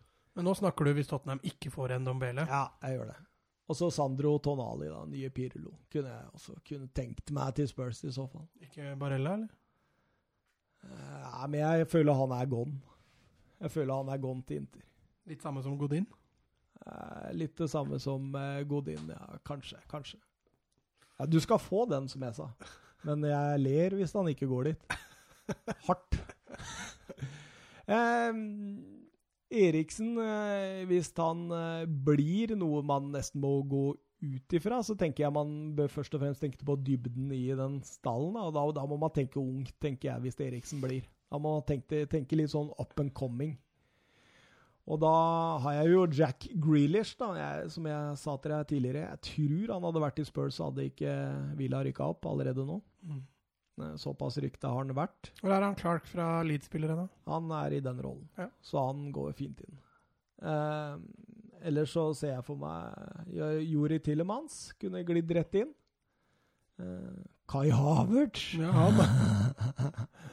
Da hadde du kost deg. Ja, da hadde jeg kost meg. En annen fra Leverkosen òg jeg kunne tenkt meg, Leon Bailey. Mm. En type som ville passa inn. Og Nicolo Sagnolo da, fra Roma. Han har blitt mye linka. Ikke Mbappé? Nei, det, jeg ser ikke på det som en mulighet. Nei, Neymar vil jo vekk òg, da. Jeg tror Newcastle er nærmere Mbappé enn det Tottenham er. Ja, Tok du den? Hæ? Du tok den? Ja, jeg tok den. Ja. Eh, hvis Tottenham skulle tenke på en, eh, en såkalt Kane-erstatter, da, eller en Kane-backup, så har jeg et navn som heter Gerald Bone. En hullspiller som har vært mye linka. Målskårer. Starta på kanten, men har blitt mer og mer rein spiss i Hull og skårer voldsomt med mål. Hvor gammel er han, da? Eh, 22. Ja, Kan, da er eh, du perfekt. Da. Ja, ja. Og han, eh, han minner litt om Husker du Craig Bellamy? Ja, ja. Ja, Han minner litt om den type spiller. Litt sånn krummer nakken, rett fram, eh, god én mot én. Spiller mye golf. Spiller mye golf, ja. ja nei, det veit jeg ikke. Hva er det for med golf og fotballspillere, egentlig? Det er sikkert Sport som ikke er så slitsom. Eh, for øvrig så var Bowen også en av tre championship-spillere som eh, var, har vært mye rykta til Tottenham. Da. De andre var jo Aarons og Grealish, som vi snakka om, men siden de har rykka opp med klubbene sine, så tviler jeg sterkt på at de går til Tottenham i år. Da må de rykke ned først. Ja. Hva tror du om eh, prosjekt Porcetino, Mats? Altså, de må jo begynne å, å levere litt eh, Altså, De må ikke, men, men, jeg tror det er en kjempefordel hvis han greier å levere noen trofeer etter hvert. Eh, han har jo jobba der nå to og et halvt år. Nei, tre og et halvt år. Ja. Uh, de har helt klart gjort det steget med å etablere seg i toppen i Premier League. Og som jeg sa til deg i går, at jeg tror Tottenham er det laget som neste år kommer til å være nærmest Liverpool og City. Uh, jeg tror gløppa fra City og Liverpool ned til Arsenal, Chelsea og United fort kan bli enda litt større. Mm. Men at Tottenham kanskje greier å tette litt av den luka. Men det kommer litt an på hva de gjør på, på overgangsmarkedet. Og så får Tottenham fortsette å satse på å gjøre det bra i Champions League og, og eventuelt FA-cupen eller ligacupen, for jeg tror ikke de vinner eh, Premier League. Nei. Du tror ikke det, nei? Nei, det tror vel egentlig ikke jeg heller. Men uh, Altså Avstanden for Tottenham opp til eh, City, hvor mye ble den til slutt? 20 poeng? Ja, det, var, det er ganske mye. Voldsomt mye å tette. City kommer nok ikke til å selge noen viktige spillere. Og ja, Company, da, men han er jo ikke så toneangivende de siste sesongene. Så. Det handler litt om hvor Tottenham forsterker seg nå, da. Mm. Ikke sant? Det er jo det det går på. Hvis de får inn Jeg tror en Dombele er mye av nøkkelen. Kan fort bli det. Ja, ja. Men altså, liksom på en posisjon da, Sissoko og Winks har prestert bra. Ja, ja, absolutt. Så, Men som har vært også veldig skadeutsatt. Ja, det er jo den bredden i laget til Tottenham. da, som husk er, på at eh, Oliver Skip har vel bortimot eh, ti kamper i år, liksom. Ja, men, men igjen, da. Så der Liverpool og, og City kan rullere og, og ikke tape poeng, så, så, har ikke Tottenham hatt samme evnen til det. Og det, det, er litt det du får da når du henter en Dombele, f.eks., hvor du kan men, men, jeg tenker jo sånn, da. Nå, nå, sier ikke jeg at Tottenham kommer til å vinne Premier League neste år. Det sier jeg for all del ikke. Men Husk på de skadene de har hatt i år, denne sesongen. Husk alle de spillerne som var i et VM-sluttspill helt til slutten og ikke fikk veldig liten ferie før oppkjøringa. Husk på stadion og alt det der. Det begynner alt nytt. Det er masse positive piler som peker i retning av at dette blir en enda bedre sesong. Og hvis de får styrka seg på enkelte plasser nå, så kommer de til å tette ganske bra, tror jeg. Altså, ja, fordi, men ak akkurat det der VM-kortet, det gjelder jo veldig mange klubber. Det gjaldt ja, jo City var, og Liverpool. Jo, men det var ingen som var i nærheten av åtte spillere i semifinalene. I VM? Ja, Nei, det har jeg ingen statistikk på, så det tør jeg ikke. Nei, det, tør jeg ikke verken motsi eller Det var jo siden både England og Belgia og Frankrike var der. Ja. Så var det jo halve Tottenham-oppstillinga i semifinalene. Og som da også spilte finale og bronsefinale. Ja. Nei, Det kan sikkert stemme, men det var mange av toppklubbene som spilte VM, og spilte sikkert mye. Uh, men, men, at et nytt stadion, at de får, får, en full sesong på nytt stadion, og at de fikk en bra start, ikke minst på nye stadion, vil jo, få, vil jo helt sikkert ha noe å si. Og så det med skader er jo ikke alltid så lett å få gjort noe med. da. Du får ikke helgardert deg mot det før en sesong. Nei, absolutt så. ikke, men eh, hvis det så nå, da La oss si at de skadene Kane har hatt, altså to ganger ankel i løpet av en sesong La oss si Sala for den. Mm. Ikke sant? Altså, da blir jo Eller van Dijk ryker, som Toby og Jan gjorde i løpet av sesongen. Mm. Da blir jo dem ekstremt svekka, de òg. Altså, så må huske på at Liverpool var relativt heldig med skadeproblematikken på nøkkelspillere. Ja. Og det samme var City. Hvis det der snur, for det var ikke Tottenham, skjønner du. De hadde Ally ute i lange tider, de hadde Kane ute i lange tider. De hadde jo de defensive midtbanespillerne. De bytta jo om å bli skada. Høyrebekken var mye skada, venstrebekken var mye skada. Midtstoppera. Ikke sant? Det var mye belastning, tror jeg. Mm. veldig sånn. Så hvis dette her bytter, da har Tottenham sjanse for Champions League. Men det, det, det er mange Nei, med, på, på, Premier League. Men det er mange elementer som må inn. da.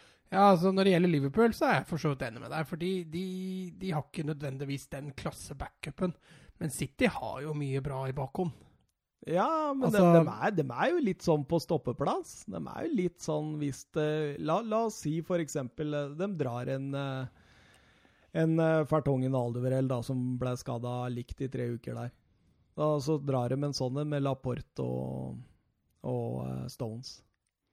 Ja, da, men jeg tror de kommer til å hente inn en stopper, i og med at Kompani ga seg. Men de har jo Otamendi og, og eventuelt en ny stopper i bakhånd, da, så Ja, nei, men det, det blir jo veldig hypotetisk, da. Men Ja, eh, det gjør det. Det gjør det. Det blir så hypotetisk og po potetisk at Ja. vi eh, dropper det. Vi dropper det, og så Er ti minutter til jeg må ta bussen til jobb, altså. Såpass, ja. Men eh, vi kjører vel en ny pod på mandag, da? Eller ble vi enige om det? Ja, vi må jo det, for det er jo finalen i U21. Ja. Kanskje vi Altså- skulle sett den hos meg? Søndag kveld? Jeg er jo egentlig på hytta, da. Søndag kveld? Ja. Kjerringa, da tar vi tar ferie fra mandag. Åssen skal du få se kampen da? Nei, det er, jo NRK, det er jo NRK på hytta. Ah, du har NRK på hytta, ja. Jeg Ja, For overlever det internetten på hytta, den er ikke noe å satse på. Nei, internett og telefonsignaler generelt, det, det er håpløst. Så jeg får ikke tak i deg, men du kommer tilbake på mandag. Sånn at Du kan kan sende meg en Messenger, men det er ikke sikkert jeg får den med en gang du sender den. Du får den et døgn etterpå. Ja, eller kanskje ti minutter, da. Det kommer litt an på hvor snille værgudene er. Ja ja. Eh, God reklame til Ice Internett der, altså. Ja, jeg har Ice. Ja, det var det jeg sa. sa. ja. Nei, de er ikke så gode der ute, gitt. De sponser ikke 90 minutter. Eh, nei. Eh, nei. Vi avslutter. Lag dere et uh, fantasy-lag. Eh, følg med på U21-EM. Følg med på eh, Argentina og Brasil og Colombias videre vei i Copaen. Ja, vi må vel finne oss en Copa-kamp vi kan prate om på mandag nå. Jeg tenkte jo f.eks. Uruguay-Chile virka jo Nei, Uruguay-Chile, sier jeg. Colombia-Chile virka jo Ja, det er gøy. spenstig. Det er gøy. Nå, nå kløna jeg det til sist jeg Ah, begynte med dette. Så skal jeg bare dobbeltsjekke at ikke jeg sier noe dust igjen. Oi, oi, oi. Du, du røyk på alt. Men den, alt den, den, på. den ene den tar jeg ikke så mye selvkritikk på, for der bare leste jeg jo feil. Ja. Men at vi tippa Brasil-Japan i kvartfinalen, der røyker vi. Men eh, det var Colombia-Chile. Det var det siste jeg sa. Ja. Den er kanskje litt artig, fordi det er liksom Vi kan ikke bare ta Brasil og Argentina, eller? Nei, altså Colombia og Chile på mandag. det er fin, den. Sammen med finalen av Spania og Tyskland. Der har vi jo hver vår favoritt. Uh... Men uh, spiller den natt til mandag, eller den Colombia-Chile? Uh, jeg syns Hvis ikke, så blir det litt vanskelig å spille podkast på mandag. Den går klokka ett. Natt til mandag. Nei, natt til søndag. Natt til søndag, ja. Ja, ok. Ja, men da, da har vi den eh, klart på mandag. Da har du en voldsom Den får ikke du sett, så da må du se den hjemme på mandag. Den må mandag. jeg se i opptak. Da har du ikke så Da har du litt å gjøre på. Ja ja. Nei. Det holder vel med å si ha det bra, folkens. Gjør ikke det? Ja? Eh, Vi glemte å slenge ut en lytterspørsmål-poll denne gangen. Ja. Det Så- overlever vi nok. Ja, men spørsmålet om lyttere overlever. Ja. Tenk at uh, får ikke Stix uh, Nystuen uh, påvirka noe her. Nei, takk for oss. Hyggelig at dere hørte på. Ja. Dere er uh, Awesome. våre beste venner og beste lyttere. Ja. Takk. Ha det bra. Adjø.